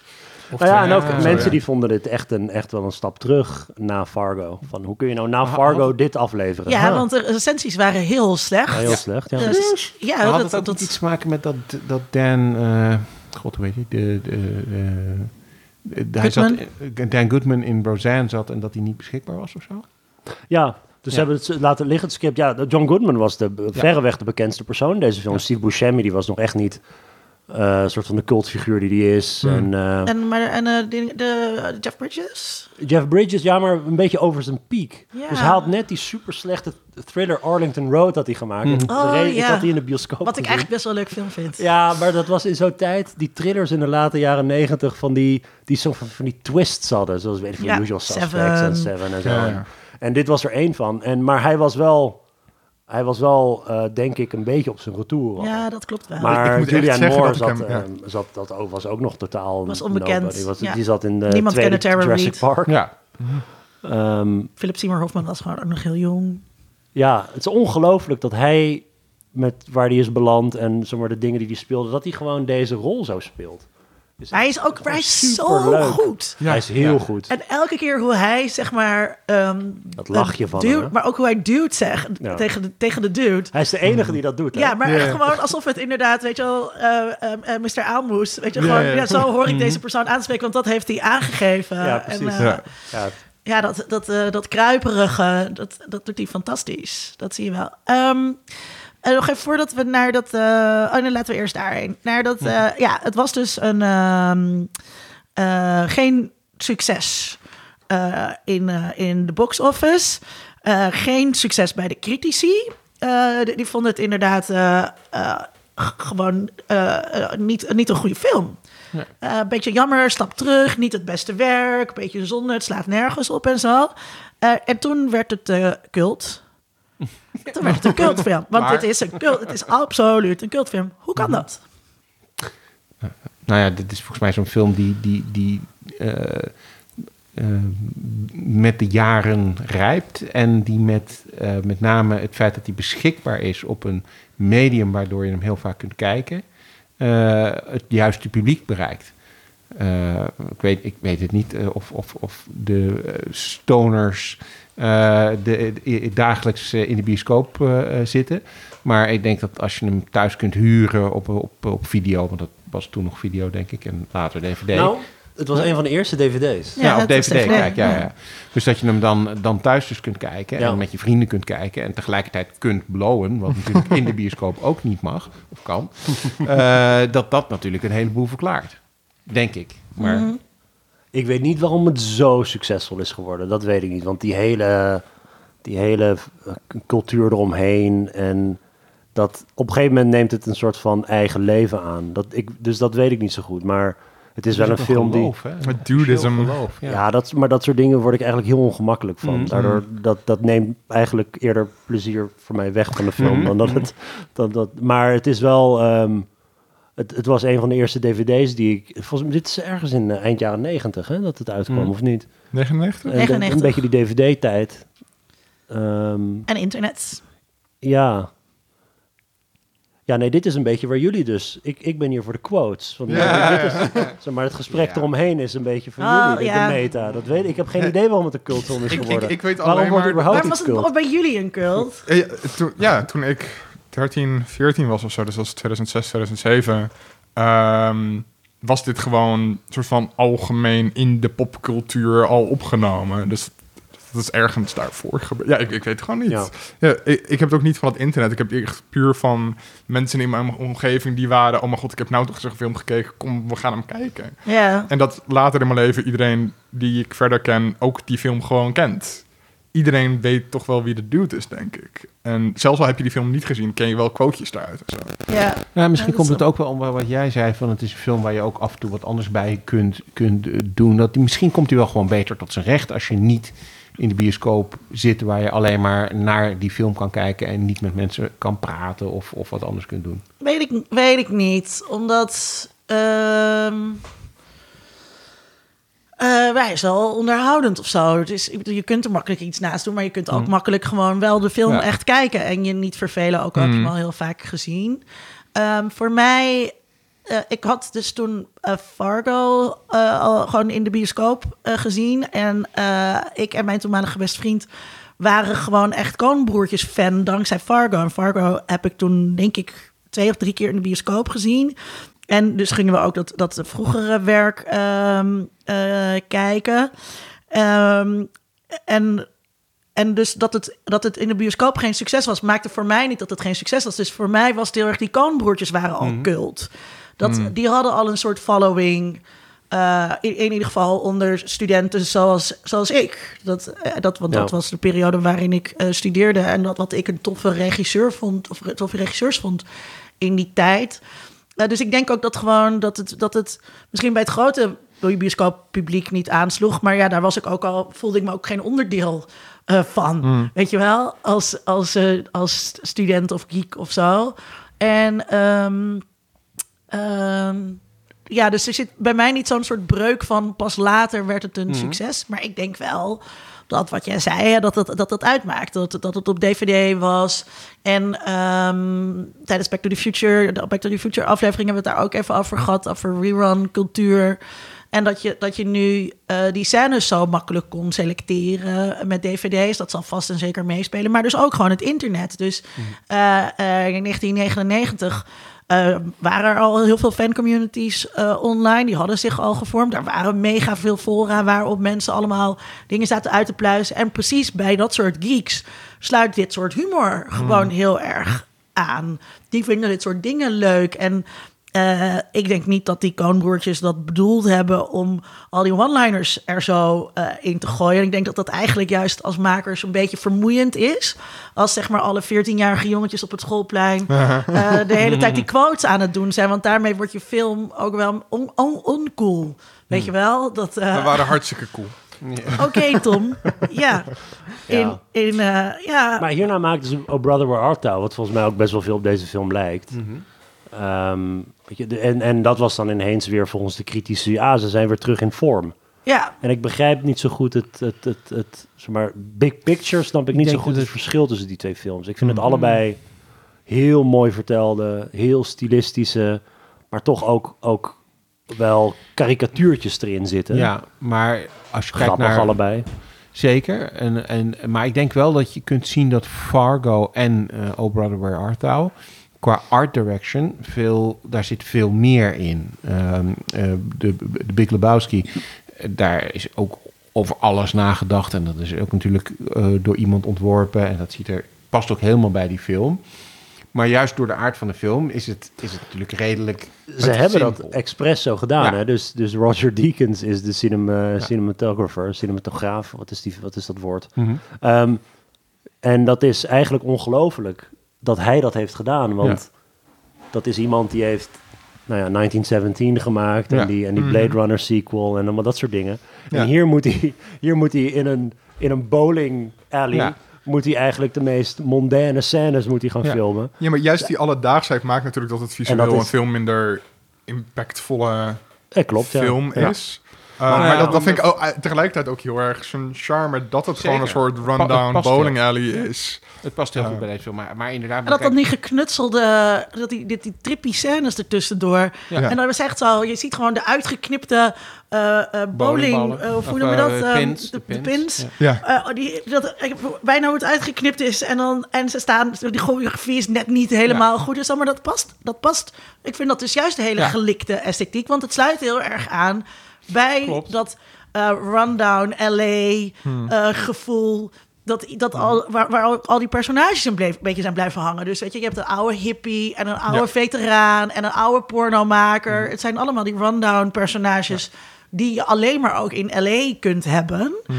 Eh, dit is geen film die, af, die had hem niet in New York zich kunnen laten afspelen. Zeker. Dat had, nee. Nou, absoluut- Ja, nee, ja, nee niet, niet op deze manier. Nee. Oh, no way had dat gekund. Het, het hoort bij, bij die stad. En ik vind dat dus, dat dus juist allemaal heel goed op elkaar aansluit. Sorry, ik heb niet helemaal gehoord wat je zei, want ik was... Nou, wat ik zei was dat, dat als je het verge- want als je dus de Fargo en Oh Brother Where Art Thou, eh, eh, die dus wel kritisch beter ontvangen zijn, eh vergelijkt met de Big Lebowski, is, is het visueel. eh, Fargo is visueel natuurlijk gewoon heel indrukwekkend. Hè, dat witte en, en, Ja. het bloed en het hebben, dat is gewoon. de- iedereen kan zich dat ook meteen voor de geest halen van, van, van hoe visueel. eh, eh, arresting, ik weet niet wat het goede Nederlands woord dat is. En voor Oh Brother Where Art Thou is het heel erg in dat kleurgebruik. Hè. Dat zit, er zit een of andere sepia filter of zo zit daar overheen. Eh, en het speelt zich natuurlijk ook nog in, het eh, in de jaren twintig of zo af, waardoor het er ook al wat anders uitziet. Eh, terwijl de Big Lebowski is in die zin ja, dit is niet heel spectaculair of zo wat je te zien krijgt. Uh, maar dat past ik dus wel heel goed bij de film, Ja, ik ben maar- het ook niet eens dat het niet spectaculair is of zo. Ja. Ja, in merendeel van de film niet, maar dan heb je natuurlijk die droomsequence ertussen. Maar een goed deel van de film is dus gewoon, zei ik net, eh, ehm, heel erg alledaags. Dus Ja. bowling alleys, afgetrapte huizen. Precies, ja. Eh, en dat maakt niet, ik bedoel, de dude's huis is niet een soort prachtige set die heel erg impactvol is of zo. Nee, het is gewoon... Nee, daarvoor moet je Vlek naar op de op porno, vlek. naar de porno eh, regisseur. Dat huis. is wel een mooi huis. Up, Oh, man. Af en toe komt er gewoon een quote uit. Zo, ja. Nee, maar dat, Nee, is, dat is ook dat goed. is heel dat goed. is ook goed. Ja. Ik moest trouwens nog denken, want jij zei inderdaad LA. Dat, dat is ook heel erg waar. Want het, de, de hele film ademt eh, Los Angeles en, en, en de verschillende eh, buurten rondom eh, Los Angeles. En ik moest opeens denken, ik weet niet waarom. ehm, ik ben nou even de naam van die burgertent eh, kwijt. Maar op een gegeven moment... In-N-Out. De In-N-Out Oh, ja. Burger. De In-N-Out, ja. Ja, In-N-Out Burger, waar ze het dus de hele tijd over hebben. Dan gaan ze naar die jongen toe en dan wordt die hele auto in elkaar geramd. En dan de volgende scène, als je ze dus ziet rijden, dat zijn, zijn voorruit is eruit geslagen. En de dude die zit daar ook echt zo'n beetje zo van, nou ja, wat is mij nou overkomen? En er wordt niets over gezegd, er wordt geen aandacht aan gegeven, maar zowel, zowel Donnie als... eh, Ze zijn langs de burger zijn, geweest. ja, want Tuurlijk, zijn ze langs de, ze waren in ze de zijn buurt er van langs de. In-N-Out. Ja, Dan ga je langs, want de Ja. In-N-Out is niet zomaar een burgerketen. Ik kan eh, trouwens bevestigen, ik heb een jaar in Amerika gewoond Mhm. recent. De In-N-Out is, als het gaat om fastfood, ook wel echt beter dan alle andere fastfood. dus het is wel echt een goede burger Toen ik op roadtrip was door Californië, konden we steeds geen In-N-Out burger vinden. En dat vonden we ook heel cool. Kut vanwege die cultstatus. Ja. Dus die het in allemaal van dit soort films Ja. ehm, eh, heeft. Ook in, eh, eh, hoe heet die film met Keanu Reeves? De Matrix. Nee, Big Adventure. Eh, Ted en... eh, ja, Ted, dat- en. Bill Oh, Excellent Ted. Adventure. zitten ze volgens mij zitten ook heel veel in-en-out verwijzingen. Of het is zo'n andere. Nou, Anthony. Bourdain, die, eh, die heeft daar allemaal clipjes op YouTube over. Dat, dat In-N-Out burgers, zeg maar voor het geld. Hè. Ik bedoel, het is Ah. fastfood. Dit laten we niet... Maar voor het geld... Nee, maar In-N-Out is... Dat, maar die scène, dat zijn dat soort kleine dingetjes die, Mm. die ik ook gewoon erg leuk vind aan de film. Van, je weet gewoon... Ze gaan die burgers eten. Maar er wordt gewoon niet gepraat. Ja. Z- Zijn auto is helemaal aan gort geslagen. En ja, ze zitten Maar ook, gewoon niet. maar ook dus de, de- Ja. de- het stuk daarvoor waarin het over in en out gaat. Dat dan Donnie is helemaal niet goed aan het opletten. Nee. En, die, is- en dan is het ook, ja, maar daar zitten in en outburg helemaal niet. Ja, maar ik zei toch in de buurt van. Life doesn't stop and start at your convenience. you ja, precies. Ja, piece of shit. Ehm, Moeten we het hebben over Donnie? ja, nee, we mogen het over alles hebben. Of, want nou, Ja, ik, ja. ik vraag me dus ergens af dat, dat die drie gasten, hè, die drie vrienden, Mhm. ehm, waarom zijn die bij elkaar? Waarom zijn die vrienden? Omdat ze in hetzelfde bowlingteam Omdat ze bowlen. En dat is, Ja. maar, maar ehm, nou, laat ik dit bewaren voor straks als het gaat over politiek. Want ik, Oh, heb daar, ik heb daar mijn eigen theorie over bedacht oké. onderweg. Wat wil jij nog zeggen? Ja, eh, het, het is heel specifiek LA. En tegelijkertijd vind ik het ook dat, dat het qua tijd het super specifiek is van dat je eh, zowel de oud hippie als de veteraan hebt. Dus allebei Mhm, echt gewoon mhm. een soort van de restanten van die jaren 60 cultural upheaval. Ehm, maar dan in een midlife crisis, rundown. Je ziet nooit een hippie van 50 in de jaren 90 rondlopen. En hier wel. En dat vind ik super leuk om te zien. Ook omdat je dan zit van, wat, wat, wat doe jij hier? Hoezo besta jij nog? Ja, net is die veteraan die nog steeds met zijn hoofd in Vietnam zit van... Gast, dit moment is voorbij. Je hebt je tijd. Dit is niet... Ze bestaan nog wel. hoor. Ja, ja, maar en, en eh, tuurlijk bestaan ze nog wel. En het dat, zit in het verkeerde culturele tijdperk. ja, ja maar, maar dat vind ik ook zo leuk aan die film. Dat je dat ook dan natuurlijk in LA heb je dit soort types nog allemaal rondlopen. Die met hun hoofd in in, een soort van verloren verleden vastzitten. Ehm, ze, ze bestaan ook in Nederland. Het, ja, eh, tuurlijk. de- Maar wel minder dan er in de jaren negentig waren. Absoluut. Ik, ik ga nu mijn eigen documentaire eh, pluggen. Ah, eh, waar ik eh, binnenkort in zit. Eh, daar hebben ze één... eh, Hij heet? Echt, hij heet Cannabis. Mhm. En hij is te zien op NPO eh 2, iedere woensdag zes weken lang. We zagen een fantastische foto van Sydney. Aha, Gewoon echt wat, heel goed. Wat echt gewoon een soort eh promo-poster in een abri had kunnen zijn voor Undercover. Waarin Sydney dus de advocaat is. ja, ja. heel vet. Maar, da- maar nou ja, het gaat over cannabis, dus over, sto- over stoners, over alles wat daarmee te maken heeft. Ehm, en een van de mensen die daarin zit is echt een oude, oude hippie. Die, in, eh, die met de Mellow Yellow hier in Amsterdam begonnen is. De eerste koffieshop van Nederland. Op de die- vijzel. Op de, eh, eh, ja, zat op de Weesperzijde zat hij. Oh, maar Ja, later, in de jaren negentig zat hij op de juist. vijzel. Maar de oorspronkelijke zat op de Weesperzijde, die is afgebrand. Ehm, en hij is de dude. De Nederlandse versie daarvan. Ook zoals hij eruit ziet. Maar ook zoals hij erover praat. En ook zoals hij vertelt over de Mellow Yellow. Dat hij zegt van ja, we hadden dan die shop, coffeeshop. En dan eh, kwamen mensen binnen en die zeiden van... ja, ik wil graag een jointje kopen. Maar dan stonden wij te tafelvoetballen. En dan eh, zeiden we, ja, dan moet je even wachten. ja. En, en dan zeiden die mensen van ja, maar ik, ik, ik heb haast. En dan, ja, dan gingen we nog een potje spelen. Want, hè, dus dat, dat is wel zeg maar de sfeer van de coffeeshop in het begin. En, en zoals je hem ook hoort praten, dat, die, ik denk als jullie hem gaan zien, dat je inderdaad denkt: oh hé, hey, dit, dit, he- dit is een soort Big Lebowski. eh, maar dan een Nederlandse versie daarvan. Oh, wat leuk. Ik ben benieuwd. Ja. Ehm, Wauw. Is dit een eh, politieke film? Armen Hakverdian. Nou, ja, kijk, ik... Universitair hoofddocent politicologie. Klopt. Ja, klopt. Ja, Jouw nee. oordeel telt hier, hè? Is net Eigenlijk- als ik moet ook... Is het een feministische film? Dan kijken ze ook altijd naar mij. En dan moet ik ja Nou, of nou, nee is dit een feministische film? dit is geen feministische film. Nou, je kunt er, dit is een soort, dit is echt een soort Rorschach-test, deze film. Je kunt erin zien wat je wil zien. Het is allemaal hartstikke leuk om daarover te lullen. Ehm, het is niet de reden waarom je moet gaan kijken. Eh, maar, dus ik, zeg maar, die, die vriendschap tussen die drie slaat eigenlijk helemaal nergens op. Want Ja. je hebt dus, dus je hebt die, je hebt eigenlijk de dude en Walter, die hebben niks met elkaar gemeen. Ze staan aan weerszijden van dit maatschappelijke debat over Vietnam, pacifisme en noem maar op. Ik bedoel, Walter is gewoon een aandoening. neocon en ehm, Walter, daar- nee, maar Walter is echt eh, eh, het pro- prototype boze witte man voordat dat zo'n irritant prototype eh, is geworden. Want je kan naar die film kijken. eh, als hij nu gemaakt zou worden, dan zou je Walter zo haten. Terwijl, Ja, dan zou hij een rood petje op hebben. terwijl Ja, maar, ja. maar dan zou hij Trump supporters zijn. Maar in die tijd, in die tijd kon dat niet. Dus hij kon ook niet in, in, wat is het, 91, als hij zich af moet spelen, zo fout zijn zoals rechtse mensen nu fout zijn Maar of komt, zo. dat komt denk ik Maar- ook. dus kan je toch sympathie wel- hebben voor Walter? Ja, maar Wa- Wa- Walter is wel ook orthodox Joods. Nee, ja. Dus Zo- hij is wel in die zin... vrouw was, was dat. Ja, maar dat, Hij kan, dan is hij dat zelf toch ook? Ik bedoel, Ja. je kan toch niet... Het Ik is vond dat is- dat is like ook- turning in your library card. Ja, dat is zo'n hilarische scène. Ook gewoon hoe boos hij de hele tijd is Ja. over die Sabbat. Ja. En dat het dan gewoon... En dat hij dan... Ja, maar je bent toch gewoon een Poolse katholiek? Nee! Nee, hij is gewoon Joods. En daar ben ik ook met hem eens. Ik, ben het ook, ik vind het ook goed dat hij all-in gaat. En Ja. dat- Maar dus dan heb je die twee. En Donnie die zit er een beetje tussenin. En Mhm. Donnie wordt eigenlijk... Hij, niemand is aardig tegen hem, de hele Mhm. film door. En pas helemaal op het einde merk je dat ze een beetje affectie voor Ja. hem hebben. Hmm. Eh, dus ook, eh, dat, dat is een van de mooiste quotes. Is dat, dat dan, je hoort eigenlijk al die fade-out. En dan, dan, dan is Walter daar met Donnie in zijn armen. En dan zegt hij, help is choppering in. Gewoon ook weer dat Vietnam-trauma van hem. Eh, terwijl hij daar ligt met zijn hartaanval. En dan bij die, bij die soort van die, die speech op die cliff... weten ze eigenlijk ook niks over hem te vertellen. Want ze kennen hem gewoon niet. En, Nee. dus, en Donnie, dus niemand reageert op Donnie. De dude en Donnie hebben nooit een... Ze reageren nooit op Nee. elkaar. En eh, in die zin. En mijn, terugkomen naar je vraag, theorie vanuit zeg maar, de sociale wetenschap of politicologie, dat bowlen, dat houdt ze allemaal bij elkaar.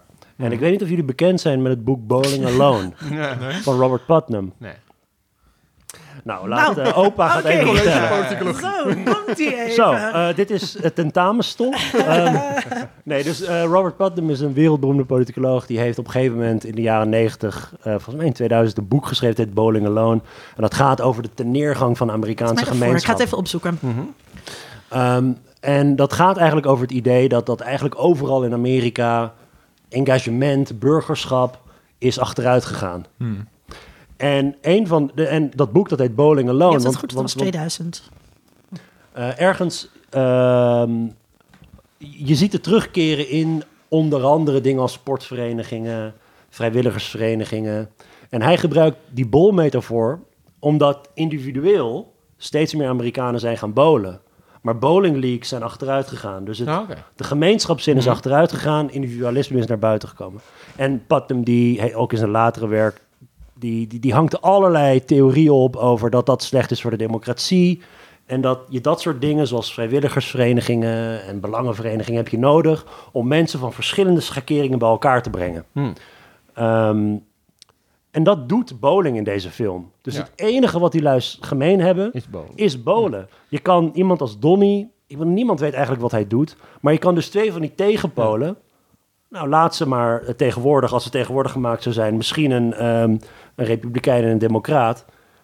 Dat bowlen, dat brengt ze samen. Dat is wat ze samenbrengt. En dat is mijn enige soort van politieke flart die ik heb Hmm. over deze film. Verder is het gewoon een leuke film met leuke quotes. Ik vind Nee, het dus...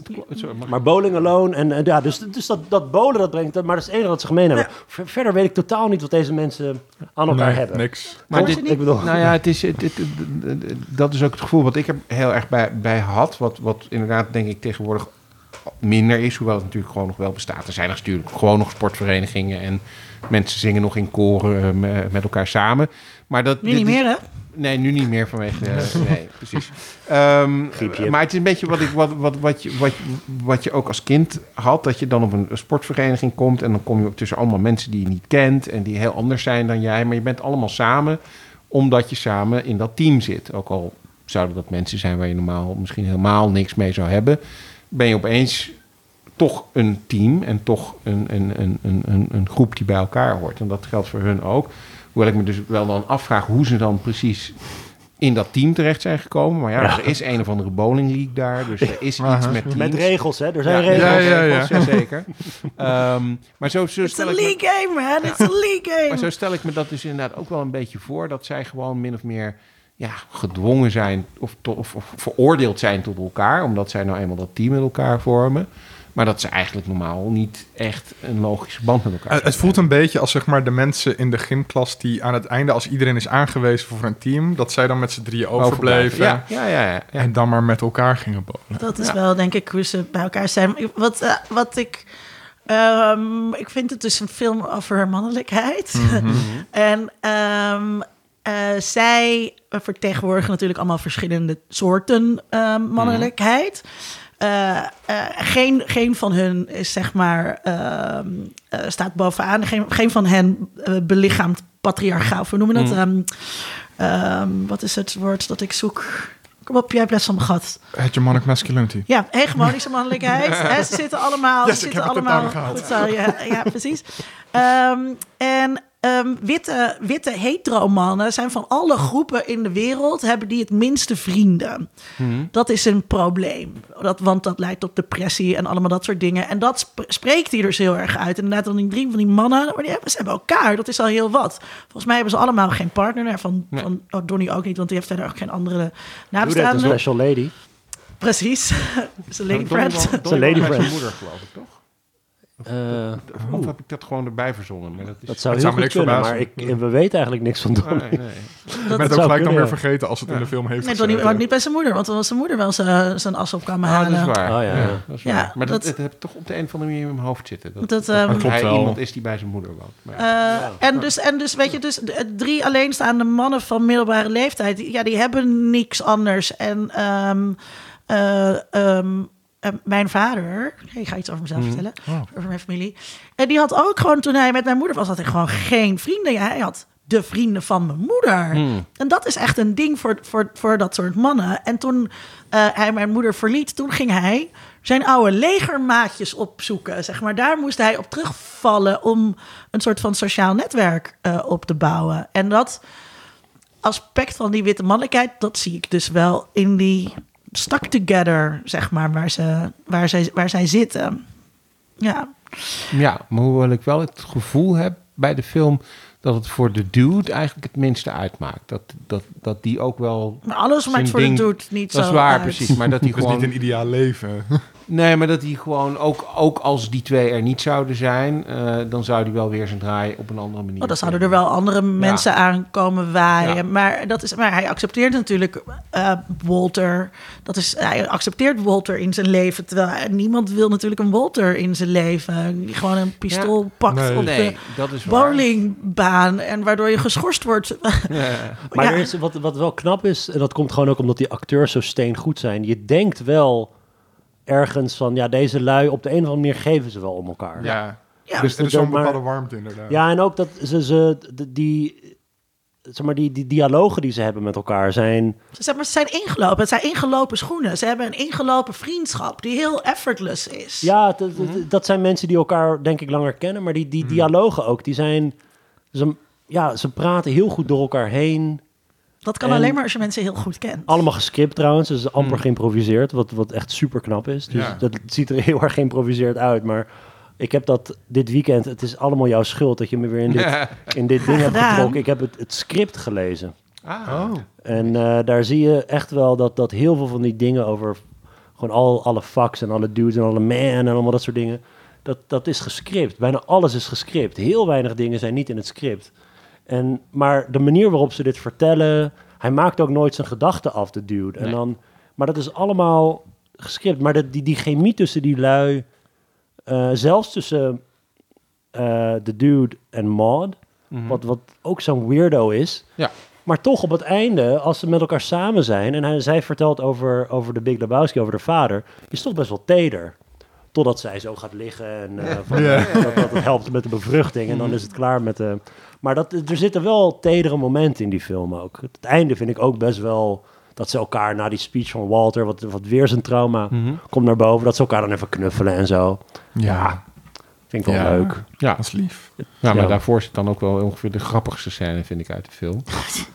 Als hij Met de as. met de Ja. as- ja, ja, ja. dat- Ja, dat- god, ja, dat is zo mooi. Je, weet, je ziet het ook gewoon aankomen. Je weet ook dat het gaat Ja, gebeuren. tuurlijk. En toch is het heel grappig. Ja. Ja. Um, um, over die mannelijkheid. Um, what makes a man, Mr. Lebowski? Um, uh, Testicles. vraagt Lebowski. en hij zegt dan inderdaad testicles. Ja. Dat is niet intersectioneel. niet vriendelijk voor trans mensen. Um, nee, maar ook, ook wel weer heel goed dat het helemaal niet gaat over eh, verantwoordelijkheid. Die, Hmm. die eh, ehm, de, de, de oude Mr. Lebowski zeg maar ook helemaal niet blijkt te hebben. Nee. Dat blijkt Nee, gewoon een farce. fake. Een, Ja, een farce te zijn. Dat is natuurlijk ook nog wel een soort politieke inslag van die film. Als je in, in, in, dat hij in 91 afspeelt, net na die Reagan-jaren van de self-made miljonair. Dat is een hele grote farce eh, in de film. Dus dat is dan nog net een politiek randje. Nou ja, maar ook eh, de oorlog. De oorlog Ja, die Irak-oorlog, die wordt heel expliciet genoemd aan het begin. Saddam, Saddam zel- zelf zit in de film. Ja. Saddam Hussein. Eh, waar is dat ook Hij, alweer? hij, hij zit in zijn droom, geeft hij hem de bowlingschoenen aan. Ja. Ah, ja, ja. Eh, dus die, die oorlog, die, die is daar, er is daar wel. Er zit ook heel veel agressie eh, in de film. En dus dus eh, als manier om conflict op te lossen. En dat dat niet echt een goed idee is. Ja, en het is ook. Wat natuurlijk ook dat- bij de Golfoorlog zo Mhm. was. Je, je, dat geweld is ook niet eh, direct functioneel. Het is Mm. niet om per se dat doel te bereiken, maar om te laten zien dat je geen pushover bent. Het is meer om jezelf en je eigen mannelijkheid te beschermen dan daadwerkelijk iets in de wereld buiten jezelf op te Wat, wat, lossen. en wat vinden jullie van de nihilists? We believe in nothing, Lebowski. Because of your Johnson. Maar ook dat dan, dat dan Walter zegt dan op een gegeven moment van... je kan van alles zeggen wat je wil over, over, over nationaal socialisten... but at least it was an ethos. Ja, het is geweldig. ja. Ja, eh Nile, ja dat, oh, en dan in dat zwembad ligt dan die Uli Koenkel, die ligt daar. Ja. En dan eh, zegt eh Bunny van, eh he's a nihilist. En zegt de dude, oh, that must be exhausting. Ja. Ja, het, alles is geweldig. Ja. Ja, op, op een gegeven moment, ja, die nihilists zijn toch, als het gaat om over de top, de Flea, Flea is ook wel zo iets- grappig. iets te... Ja. maar goed, het Als mag hij wel. omvalt op maar een gegeven moment. Maar ook, ja. Ja. ook op dat, in zo'n droomscène, als ze dan als een soort schaar komen aan, Ja, ja, ja, ja. aanklappen om zijn Johnson eraf te Mhm. knippen. Eh, ja, ik vind ook met dit soort, ik, eh, dit soort dingen, die oorlog en zo, het is allemaal achter, achtergrond. En Hmm. ehm, ik heb er geen enkele politieke betekenisgeving bij zelf. Ik vind het gewoon heel leuk dat die, Dat dan, je hoort die hele beroemde clip van Bush senior van Ja. eh, This aggression will not stand. En dat gebruikt hij dan later, dat die, die quote. Daarom vind ik het leuk. Verder of dat nou een diepere betekenis heeft met deze film... ehm, vind, ik, vind ik lastig om te zeggen, Ja. moet ik zeggen. Ik vind alles in deze film vind ik zo dik er bovenop liggen. En dat vind ik gewoon fijn. En ik moet je eerlijk zeggen dat ik ook niet heel erg geneigd ben... Hoe, hoeveel ik van deze film ook hou... om me meer te gaan verdiepen in allerlei dubbele lagen Nee. daarover. Dus ik, ik zit echt niet te springen om op Reddit te gaan kijken... bij een of andere Big Lebowski subreddit... om te kijken wat mensen allemaal hebben gevonden over deze film. Ik heb Vind een ik... heel interessant artikel gelezen over... Vertel. eh, nee, dat is helemaal niet interessant. Het is het deel van de mediawetenschappen dat ik helemaal niet leuk vind. Mhm. Eh, dus eh, dat soort duidingen over eh, de, de carnavalesk en eh, de Big Oh, Lebowski. god, tuurlijk. En eh, dat je denkt, oh god, echt mijn collega's. Het is zo gênant. En echt de journals vol hebben ze natuurlijk geschreven. Maar geef eens een aantal van die leuke soort van... ehm, ja, een beetje interessant doenerij over deze film. Ehm, bijvoorbeeld over, eh, nou, dus de, de carnavalesk en het spelen met hiërarchieën. Eh, dus dan is er, hoe heet die auteur ook weer, nou, die de over carnaval heeft geschreven. En dat wordt er dan... Wachtien. ja, precies. En, ehm, eh, en dan wordt er Ah, gezocht... The student has become the Er teacher. wordt een, eh, Ik gebruik hem toevallig in mijn scriptie. Heel Dus- Star Wars. dit. eh, Tom doet de cultural analysis. Ja, dit En- is wel echt en, precies waar ik middenin zit tussen dit soort theorieën, waar ik ook niet altijd zo goed op ga. Ik moest gewoon tijdens mijn studie SPSS leren. Ja. Ehm, Ik godzijdank niet. Eh, maar bijvoorbeeld ook ehm, eh, de Big Lebowski en het abjecte.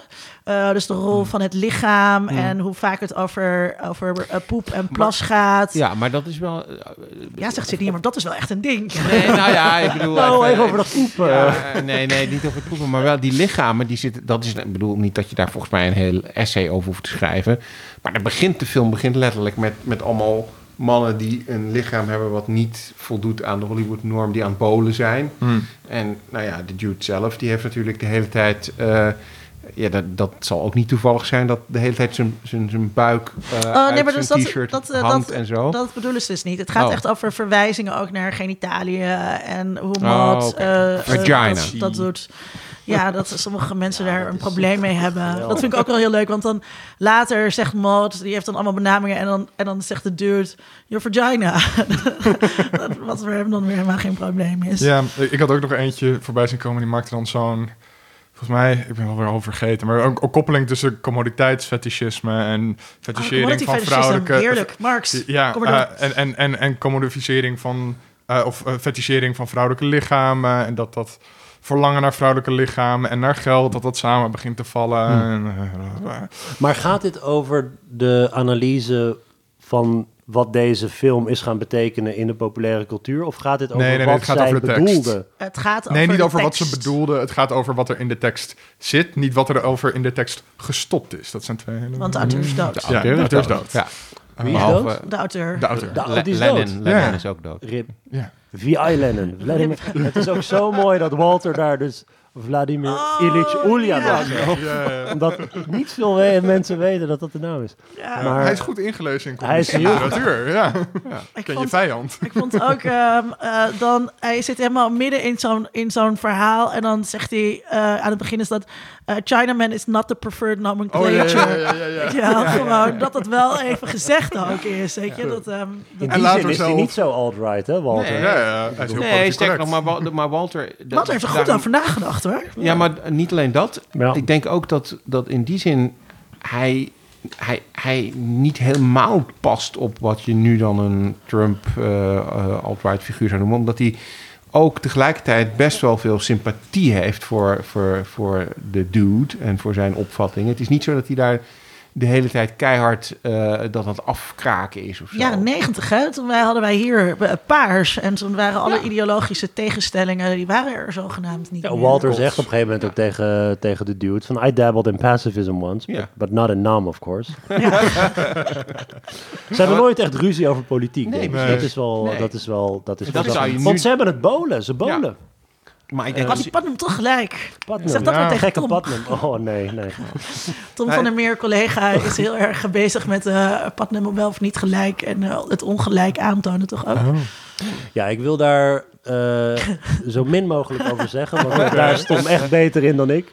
maar dat het is het, het ehm, dat zeg maar die die de bowling alley nu, als je nu gewoon gaat bowlen, het ziet er niet heel veel anders uit dan 20, 30 jaar geleden, toch? Nee, je, ja, gaat, je kan ook disco bowlen, dus het is glow in the dark bowlen. Ja, maar dat hele idee van je doet die schoenen aan en mhm. ehm, weet je dat dat en die en ja af en toe heb je disco bowlen. Misschien kun je tegenwoordig uh, dingen bestellen met een tablet of zo, maar maar de bowling alley is een soort van tijdloos vehikel min of meer.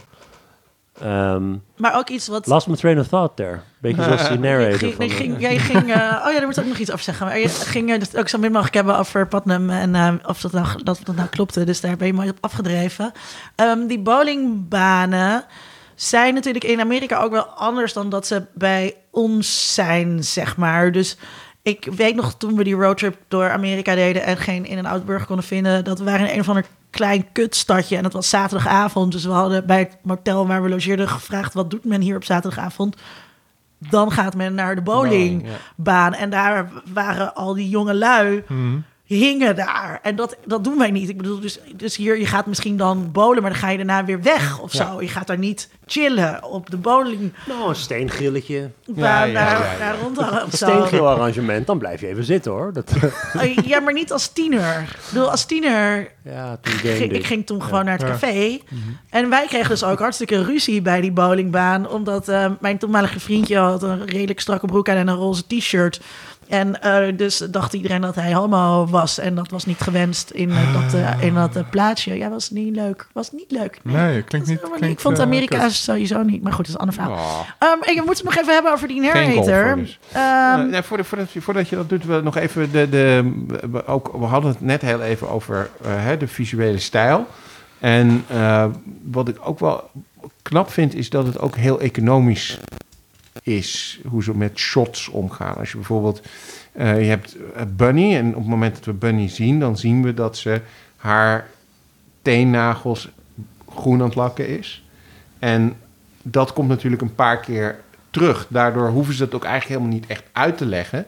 Christopher Nolan zou eens deze film moeten kijken. Nou, ja. precies. Ja, je hebt dus helemaal geen, uh, geen uh, exposition nodig. Omdat op het moment dat er dan een teen opgestuurd wordt naar iemand, dan weet je meteen waar het, waar het om gaat. Maar ik vind toch en dat, dat lijkt niet te kloppen natuurlijk, maar ja. Maar ja, de setup is heel strak.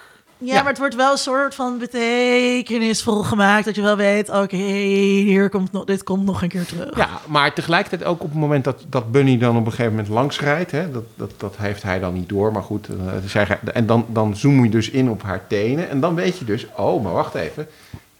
Het was helemaal niet haar teen, dus Walter had gelijk. Dat is ook, ik vind het ook heel leuk als ze dan zo in die eh, Viva Las Vegas, dus alle oh, muziek is sowieso heel goed en zij is lekker aan het rijden en dan eh, dat je dan haar zo dat gaspedaal hm. ziet intrappen met al haar teentjes in, in tax. Maar ook dat, dat, dat zij dan zo, dat kan ook alleen maar in LA, waar je gewoon heel veel snelweg hebt en door de heuvels kunt rijden en zo. Wat vind je van de porno-industrie? Uh, Wat ik van de porno? De manier, nou, de manier waarop dat in deze... heb ik wel een paar nee, maar over geschreven. Ja, nee, maar ik bedoel de manier waarop dat in deze film wordt neergezet. Uh, Jackie Treehorn, die begint op een gegeven moment over... Die is een soort visionair van The Wave of the Future. Dat is, wat zegt hij op een gegeven moment? Een soort van elektrische... Electrical stimulation en allemaal dat soort dingen. Een beetje internet, VR yeah. lijkt het op. Oh, daar was ik niet weer een beetje bij afgehaakt. Waar we nu... Um, ik, maar ik weet wel, zeg maar, wat mod... Mod is heel negatief erover. En dat past wel bij een jaren negentig feminist... maar dat zou nu ook niet meer kunnen. Want je kunt nu niet... Um, uh, negatief staan tegenover sekswerk, direct of indirect. En, en een goede feminist zijn, want dan val je er buiten. En zij, zij doet een beetje smak over de, over de Beaver-films. Mm -hmm.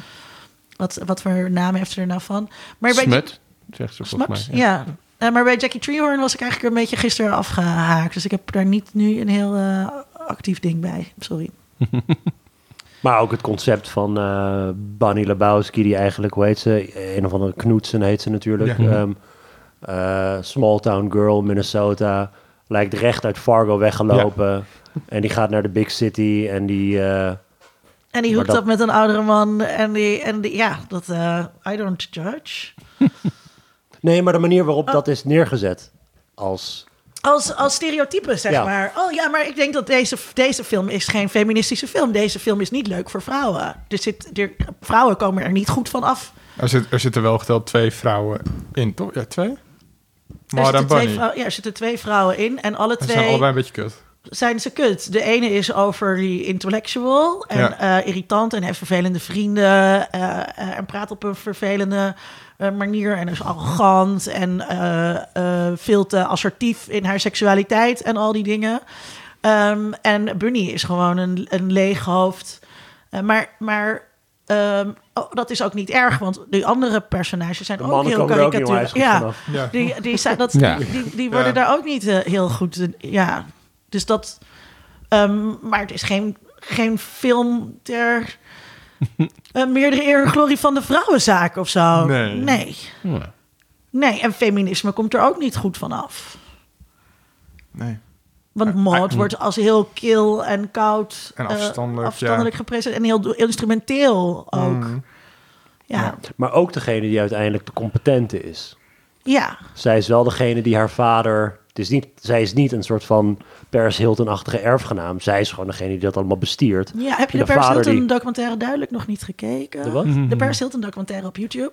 Ook een aanrader. Zit maar bij de tips. Komt niet in mijn algoritme. Sydney. Maar Ik wat ga, ik ga het nu opschrijven. Eh, mm, eh, This is Paris. En, eh, en want Paris Hilton is natuurlijk helemaal geen leeg hoofd. Het is een ontzettend Nee. slimme zakenvrouw die heel slim een imago gecultiveerd heeft.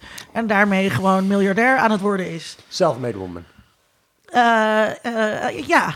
ja, nou ja, kijk, ik bedoel, als jij als erfgenaam jou, jou voor, voordat je zeg maar al het geld erft, ehm, eh, je eigen miljard weet op te bouwen. Nou, dat vind ik best knap. dat zie je Trump nog niet doen. Nee. Ja, maar, dat is, maar dat is een ander verhaal. Ik, ja, ik, zullen we, ik had nog één laatste. Ik had nog, maar daar hoeven we niet over. Wil je het nog hebben Ik over? Nou ja, dat over die storytelling, dat de narrator eh, is een hele rare narrator. Mhm. Dus op een gegeven moment is hij ook zijn train of thought kwijt. Dan is hij, is hij Mhm. midden in een voice-over. En dan denk je, nou, waar had ik het eigenlijk ook weer over? En dan komt hij in, in het verhaal wat hij aan het vertellen is, komt hij zijn eigen hoofdpersoon op een gegeven moment advies geven. Ja maar, ja, maar hij moet de dude toch ook leren kennen om later zijn verhaal te kunnen vertellen. Ja, hij Ja. vertelt het achter. Wat, wat, wat ik nog, dat had ik niet zelf opgemerkt, maar dat zag ik op, in een of ander commentaar op de film. De film begint met zo'n eh, tumbleweed. Ik weet niet wat het Nederlandse woord daarvoor is, of we dat überhaupt hebben.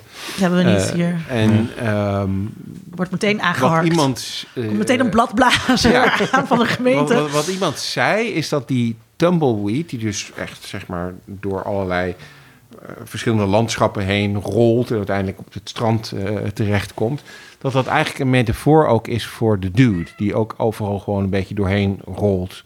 Eh, net zoals die tumbleweed. En in allerlei Oh. situaties terechtkomt. Zonder agency. maar zonder eigenlijk gewoon inderdaad echt zelf iets. Ja, eh, agency Ja. is een goeie, ja. Dat Ja. is in deze film ver te zoeken. Ja, echt bijna niemand heeft het. Nee. Dingen gebeuren en Mhm. mensen stromen overal in mee. Maud is misschien de enige die agency heeft. Ja, Ja. En want eh, the dude abides. Mhm. Wat betekent dat eigenlijk? Nou, de man die de film 60 keer gezien Oh, heeft, jezus, die weet ja, dat. nee, maar dat weet ik. Dat, volgens mij, wat ik er denk ik uit haal, is gewoon dat het maakt allemaal niet zoveel uit. Ja, Ja, Het is gewoon prima. Eh, de do the bites betekent, hij, hij vindt zijn draai wel weer. En, en dingen hebben geen consequenties. Die tumbleweed, die Mhm. rolt gewoon door. En hij ook. En hij zal altijd dit blijven doen. En er zullen altijd mensen om hem heen zijn die hetzelfde blijven doen.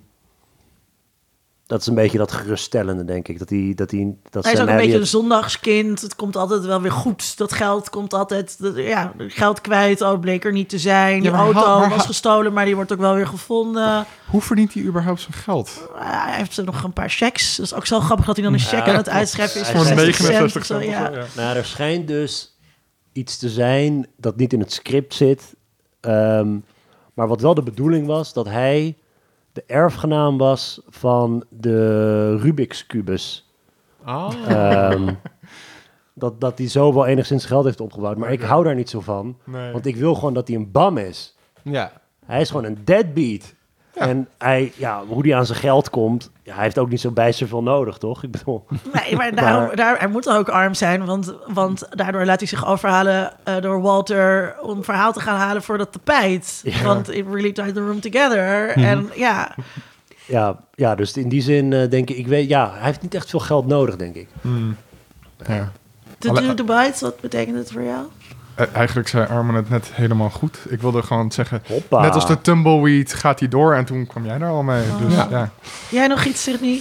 Nee, ik heb daar geen andere, diep, meer, nog diepzinniger gedachten over. Kunnen we dat dan nu... Want we zitten nu in die fucking heftige eh, escalatie van de Mhm. wereld om ons heen. Hebben we daar dan ook wat aan?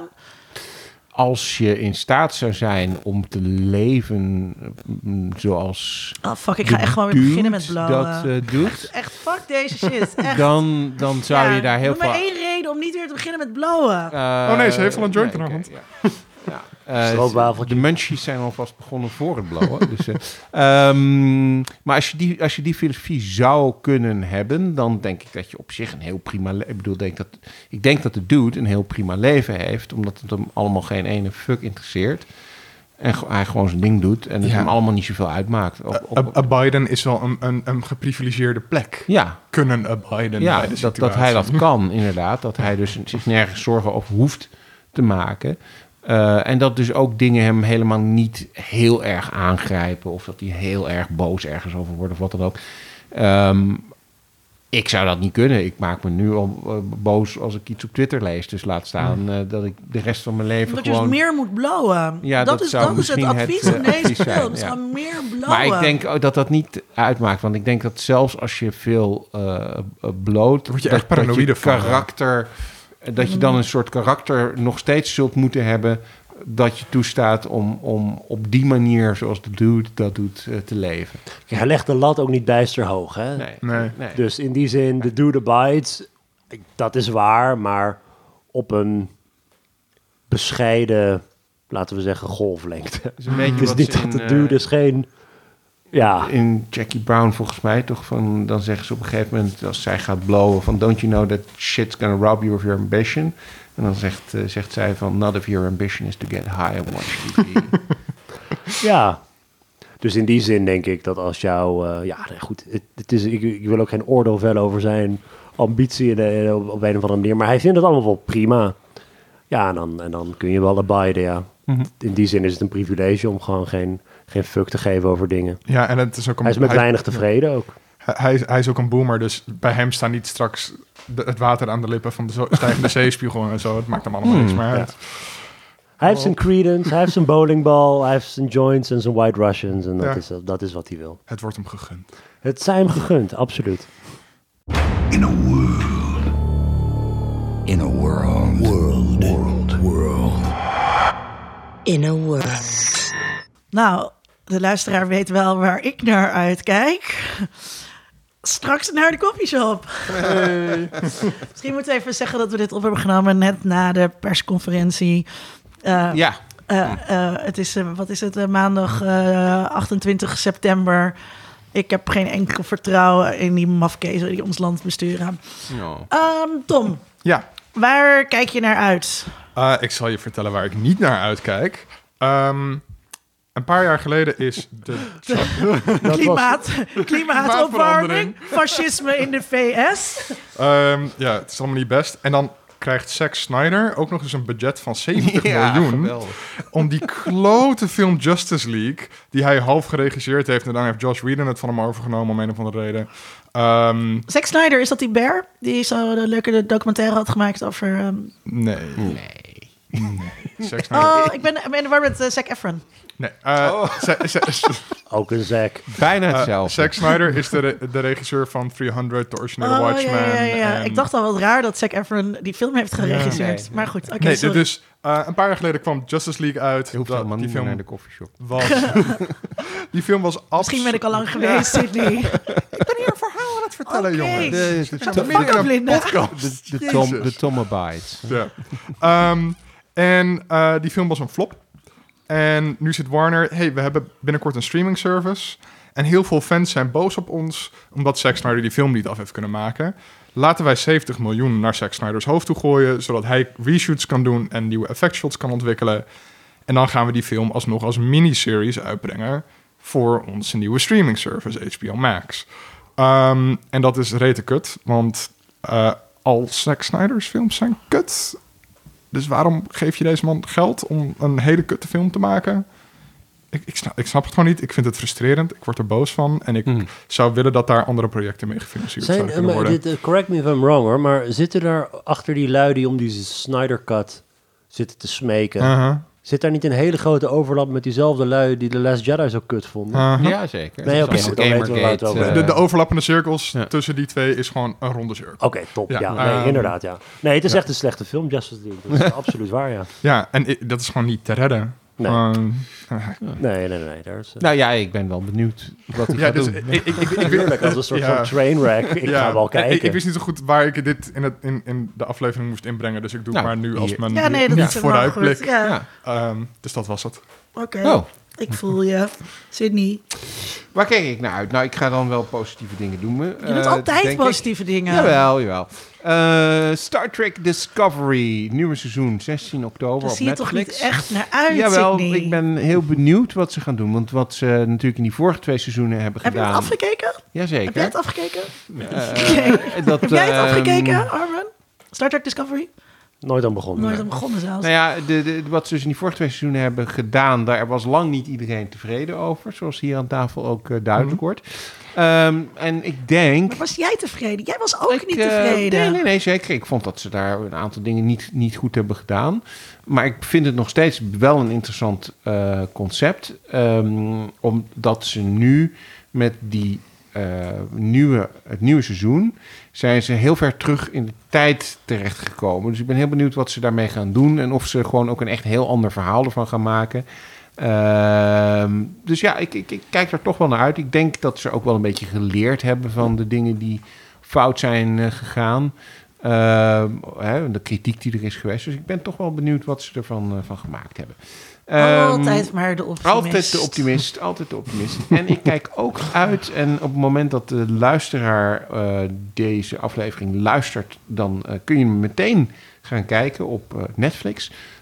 The Boys in the Band. En dat is een remake van The Boys in the Band, die in, in de jaren zeventig uitgekomen is. Sorry.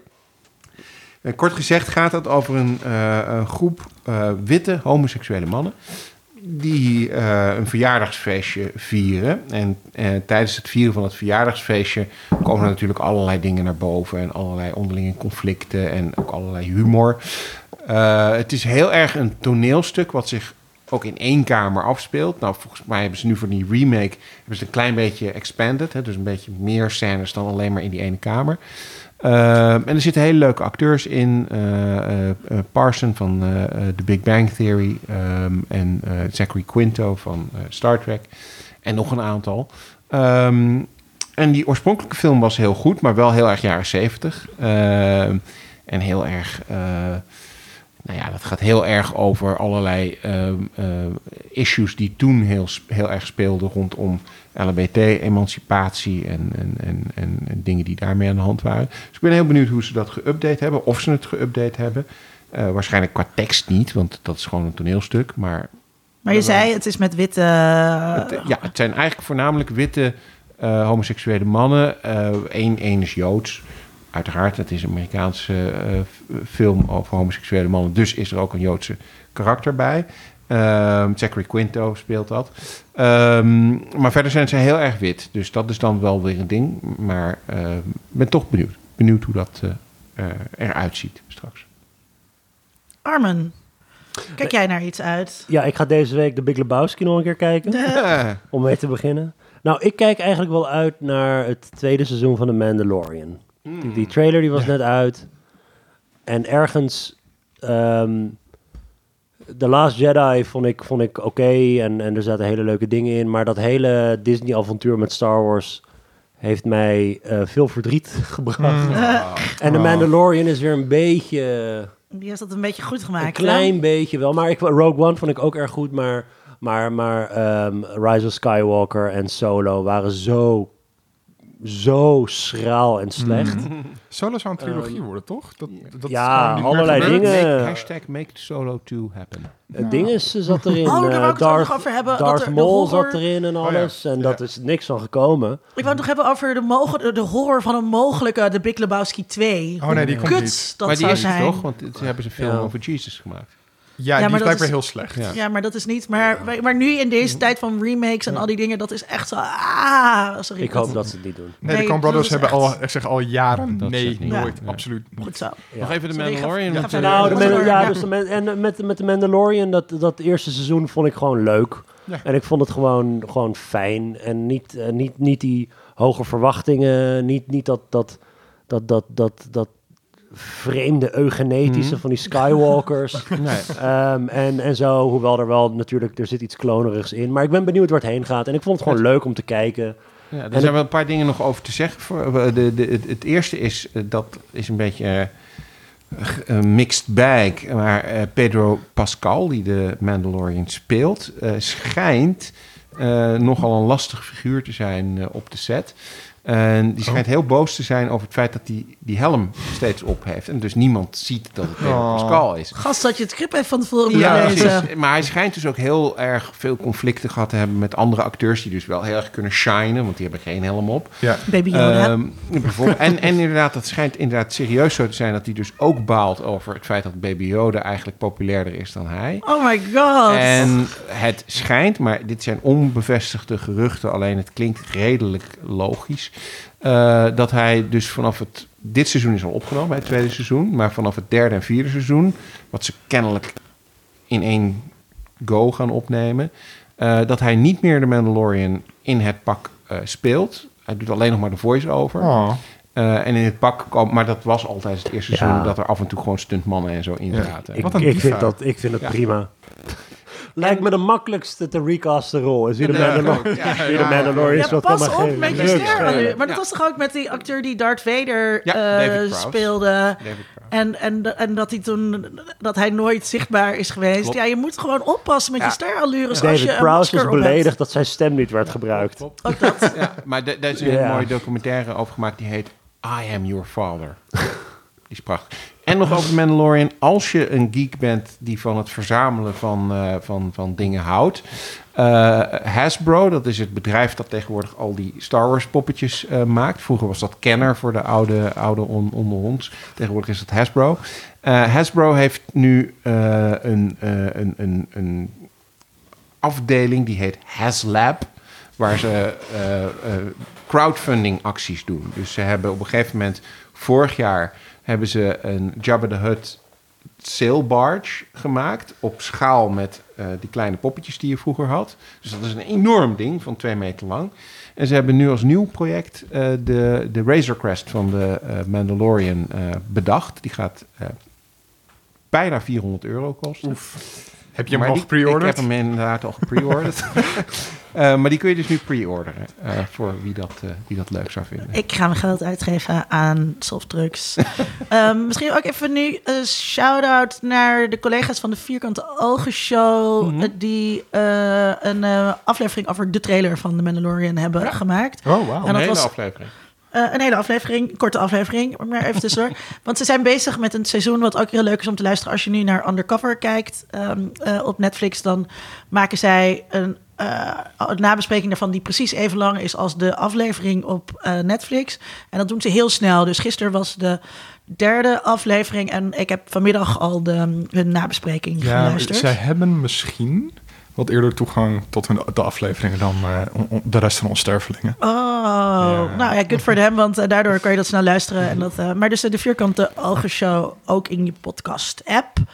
Ehm, ik kijk uit naar ehm The Haunting of Bly Manor. Eh, een eh horrorserie die op 9 oktober op Netflix te zien zal zijn van Mike Flanagan. En die maakte ook de Haunting of Hill House. Ja. Ik moet het goed zeggen. En dat vond ik best wel vet ehm, eh, en enge, enge, vooral enge horror. En ik hou wel van enge horror. Ja, Ehm, dit is het moment waarop we onze luisteraar bedanken voor het luisteren. Als Die je denkt, luisteraar. eh, jou, jou, luister, deze, hoi, luisteraar die dit luistert met zijn koptelefoon. Ik heb het over jou. We zijn blij dat jij naar ons luistert. Ehm, ook alle vriendjes die ook alle ja, vriendjes, wat moet ik nou, wat, alle luisteraars. Oh, Jullie moeten toch alle iemand luisteraars. Ja, persoonlijk toespreken. Oké, jij, Oké. jij luistert. Hi, Jij, luisteraar. luisteraar. Zullen we Ehm, een ASMR-aflevering opnemen? dat we allemaal zo gaan praten. Het zal nooit goed zijn, want ik eet te veel Nee. tijdens de uitzending. Eh, we vinden het leuk als je andere mensen ook vertelt over deze podcast, zodat we meer luisteraars krijgen. We vinden het ook leuk als je, Wel op anderhalve meter afstand. Als je het vertelt aan die persoon op anderhalve meter afstand of ehm, eh, eh, via een scherm. Dat mag ook. Of Ja. schreeuwen. Of schreeuwen. Ja, nee, dat mag niet meer, hè, schreeuwen. Oh nee, dat Nee, nee, mag dat mag niet. Nee. Alleen met een mondmasker. Ja. We vinden het ook... En ja? eh, Wat? Ja? misschien wou je dat al gaan zeggen, maar mensen moeten natuurlijk ook onze gast nog luisteren in zijn eigen... Oh ja, dat ging, dan ga ik, Oh, zeggen. ga ik je ga eerst ons eigen geld Ja, zeg, anders bedelen. dan ga Ja, ik eh, ja. Nee, ja. Nee, we vinden het ook heel leuk als je ons, eh, ons, ons geld geeft, eh, Ja. ons steunt. Als je je steun laat blijken met een kleine financiële bijdrage. Bijvoorbeeld Mark de Groot en Rona Bosman doen dat. Super bedankt aan deze Patreons. Bedankt ook aan mijn medekicks en vooral bedankt aan Armen Hakverdian. Was superleuk. Te volgen op Twitter als @hakh_verdian. Zeg ik dat goed? Ja. Ja. En te beluisteren in een stuk roodvlees podcast. Ja, dat, eh, dat, dat gaat er wat minder eh, soepel aan toe dan hier, hoor, moet ik zeggen. Is dat Want zo? de Big Lebowski ken ik van binnen, naar bui- van binnen en buiten, maar politicologie, dat is iets wat... Wat, Nee, ik echt waar, uit je- niks. waar, je- waar je Ja, echt... ik- ja, dat lukt maar wat. Ja. Dus- Nou, maar nee, het is, luister maar, dat is leuk. Ik het vind is het leuk wel, als jullie Het luisteren. is wel... Ja, ik, ben, ja, ik ben dus... Ik ben eh politicoloog, dus ik vind het altijd onwijs eh, interessant en heel erg informatief. Eh, maar je moet wel van politiek houden. Dat is waar, En- ja. Je en- moet, je moet wel een beetje... Je moet, je moet, ja, god. Het is, eh, ik, ik spreek ook soms met mensen buiten de politicologie. Maar... Boring. Boring mensen. Incidenteel. Incidenteel. Oh, ik bedoel en- dat je dacht, ik dacht dat je in het dagelijks leven praat ik ook wel eens Oh. Nee, de niet-politicologen en die zeggen dan, oh, dat is best een leuke podcast. Of- Nee, joh, nee. Nee, maar als je met andere mensen praat, dan zijn het, dan zijn het sociologen. Of af en toe een verdwaald historicus. Ja. Ja. Maar het zijn veelal politicologen. En eh, nee, leuk, leuk. Ga maar luisteren. En Ik, ben benieuwd. Het is bedoeld om eh, politicologie een beetje leuker te maken dan, dan uit de studieboeken. Dan Ik heb geen idee of het daarin slagen of niet. Het stuk rood vlees. Ja. En er is ook een blog dat al langer eh, bestaat dan een podcast... waar we... Ik denk dat we rond verkiezingstijd wel weer dingen gaan doen daar. Want het is, het is een beetje sluimerend. Die eh, eh, de Big Lebowski aflevering willen terugluisteren. Hoe Ja. ver moeten ze dan terugscrollen? Nou, je moet even terug naar. ehm, het is wel een van de eerdere afleveringen. Ik denk een jaartje terug of zo. Maar ja, dat is heel duidelijk. eh, op We een zullen gegeven hem moment. even linken in de show notes. Oh, dat is ook goed, ja. Ja, nee, dat is dus, eh, dus bijvoorbeeld. eh, hey, your revolution is over, the bums will always lose. Dan hebben we het bijvoorbeeld over. eh, is het nou zo dat, dat, de, dat, dat de, de witte arbeidersklasse voor Brexit zorgde? Nou, en en natuurlijk ook, ja, well, you know, that's just your opinion. Ja, en dat gaat dan over de op- opiniepeilingen. Dat was een kleine spiel hoor. Normaal gesproken is het goordroge materie en doen we niet aan dit soort frivoliteiten. nou, Maar, alle afleveringen met Rob Ford zijn best wel... eh, er zitten wel geeky grapjes in. ja, Ik, ik denk dat ik hem misschien gevonden heb. Aflevering 52, UK Post-Election Extravaganza with Rob Ford.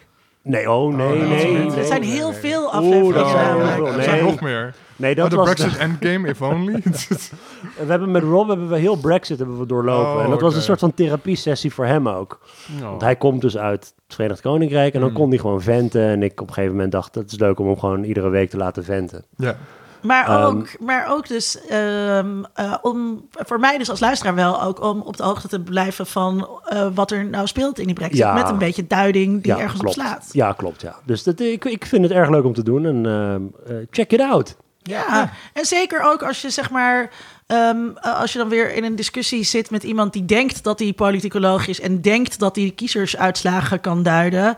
eh, dan, dan als je dus veel de Stuk Rood Vlees podcast luistert, dan kan je dat dus heel goed counteren.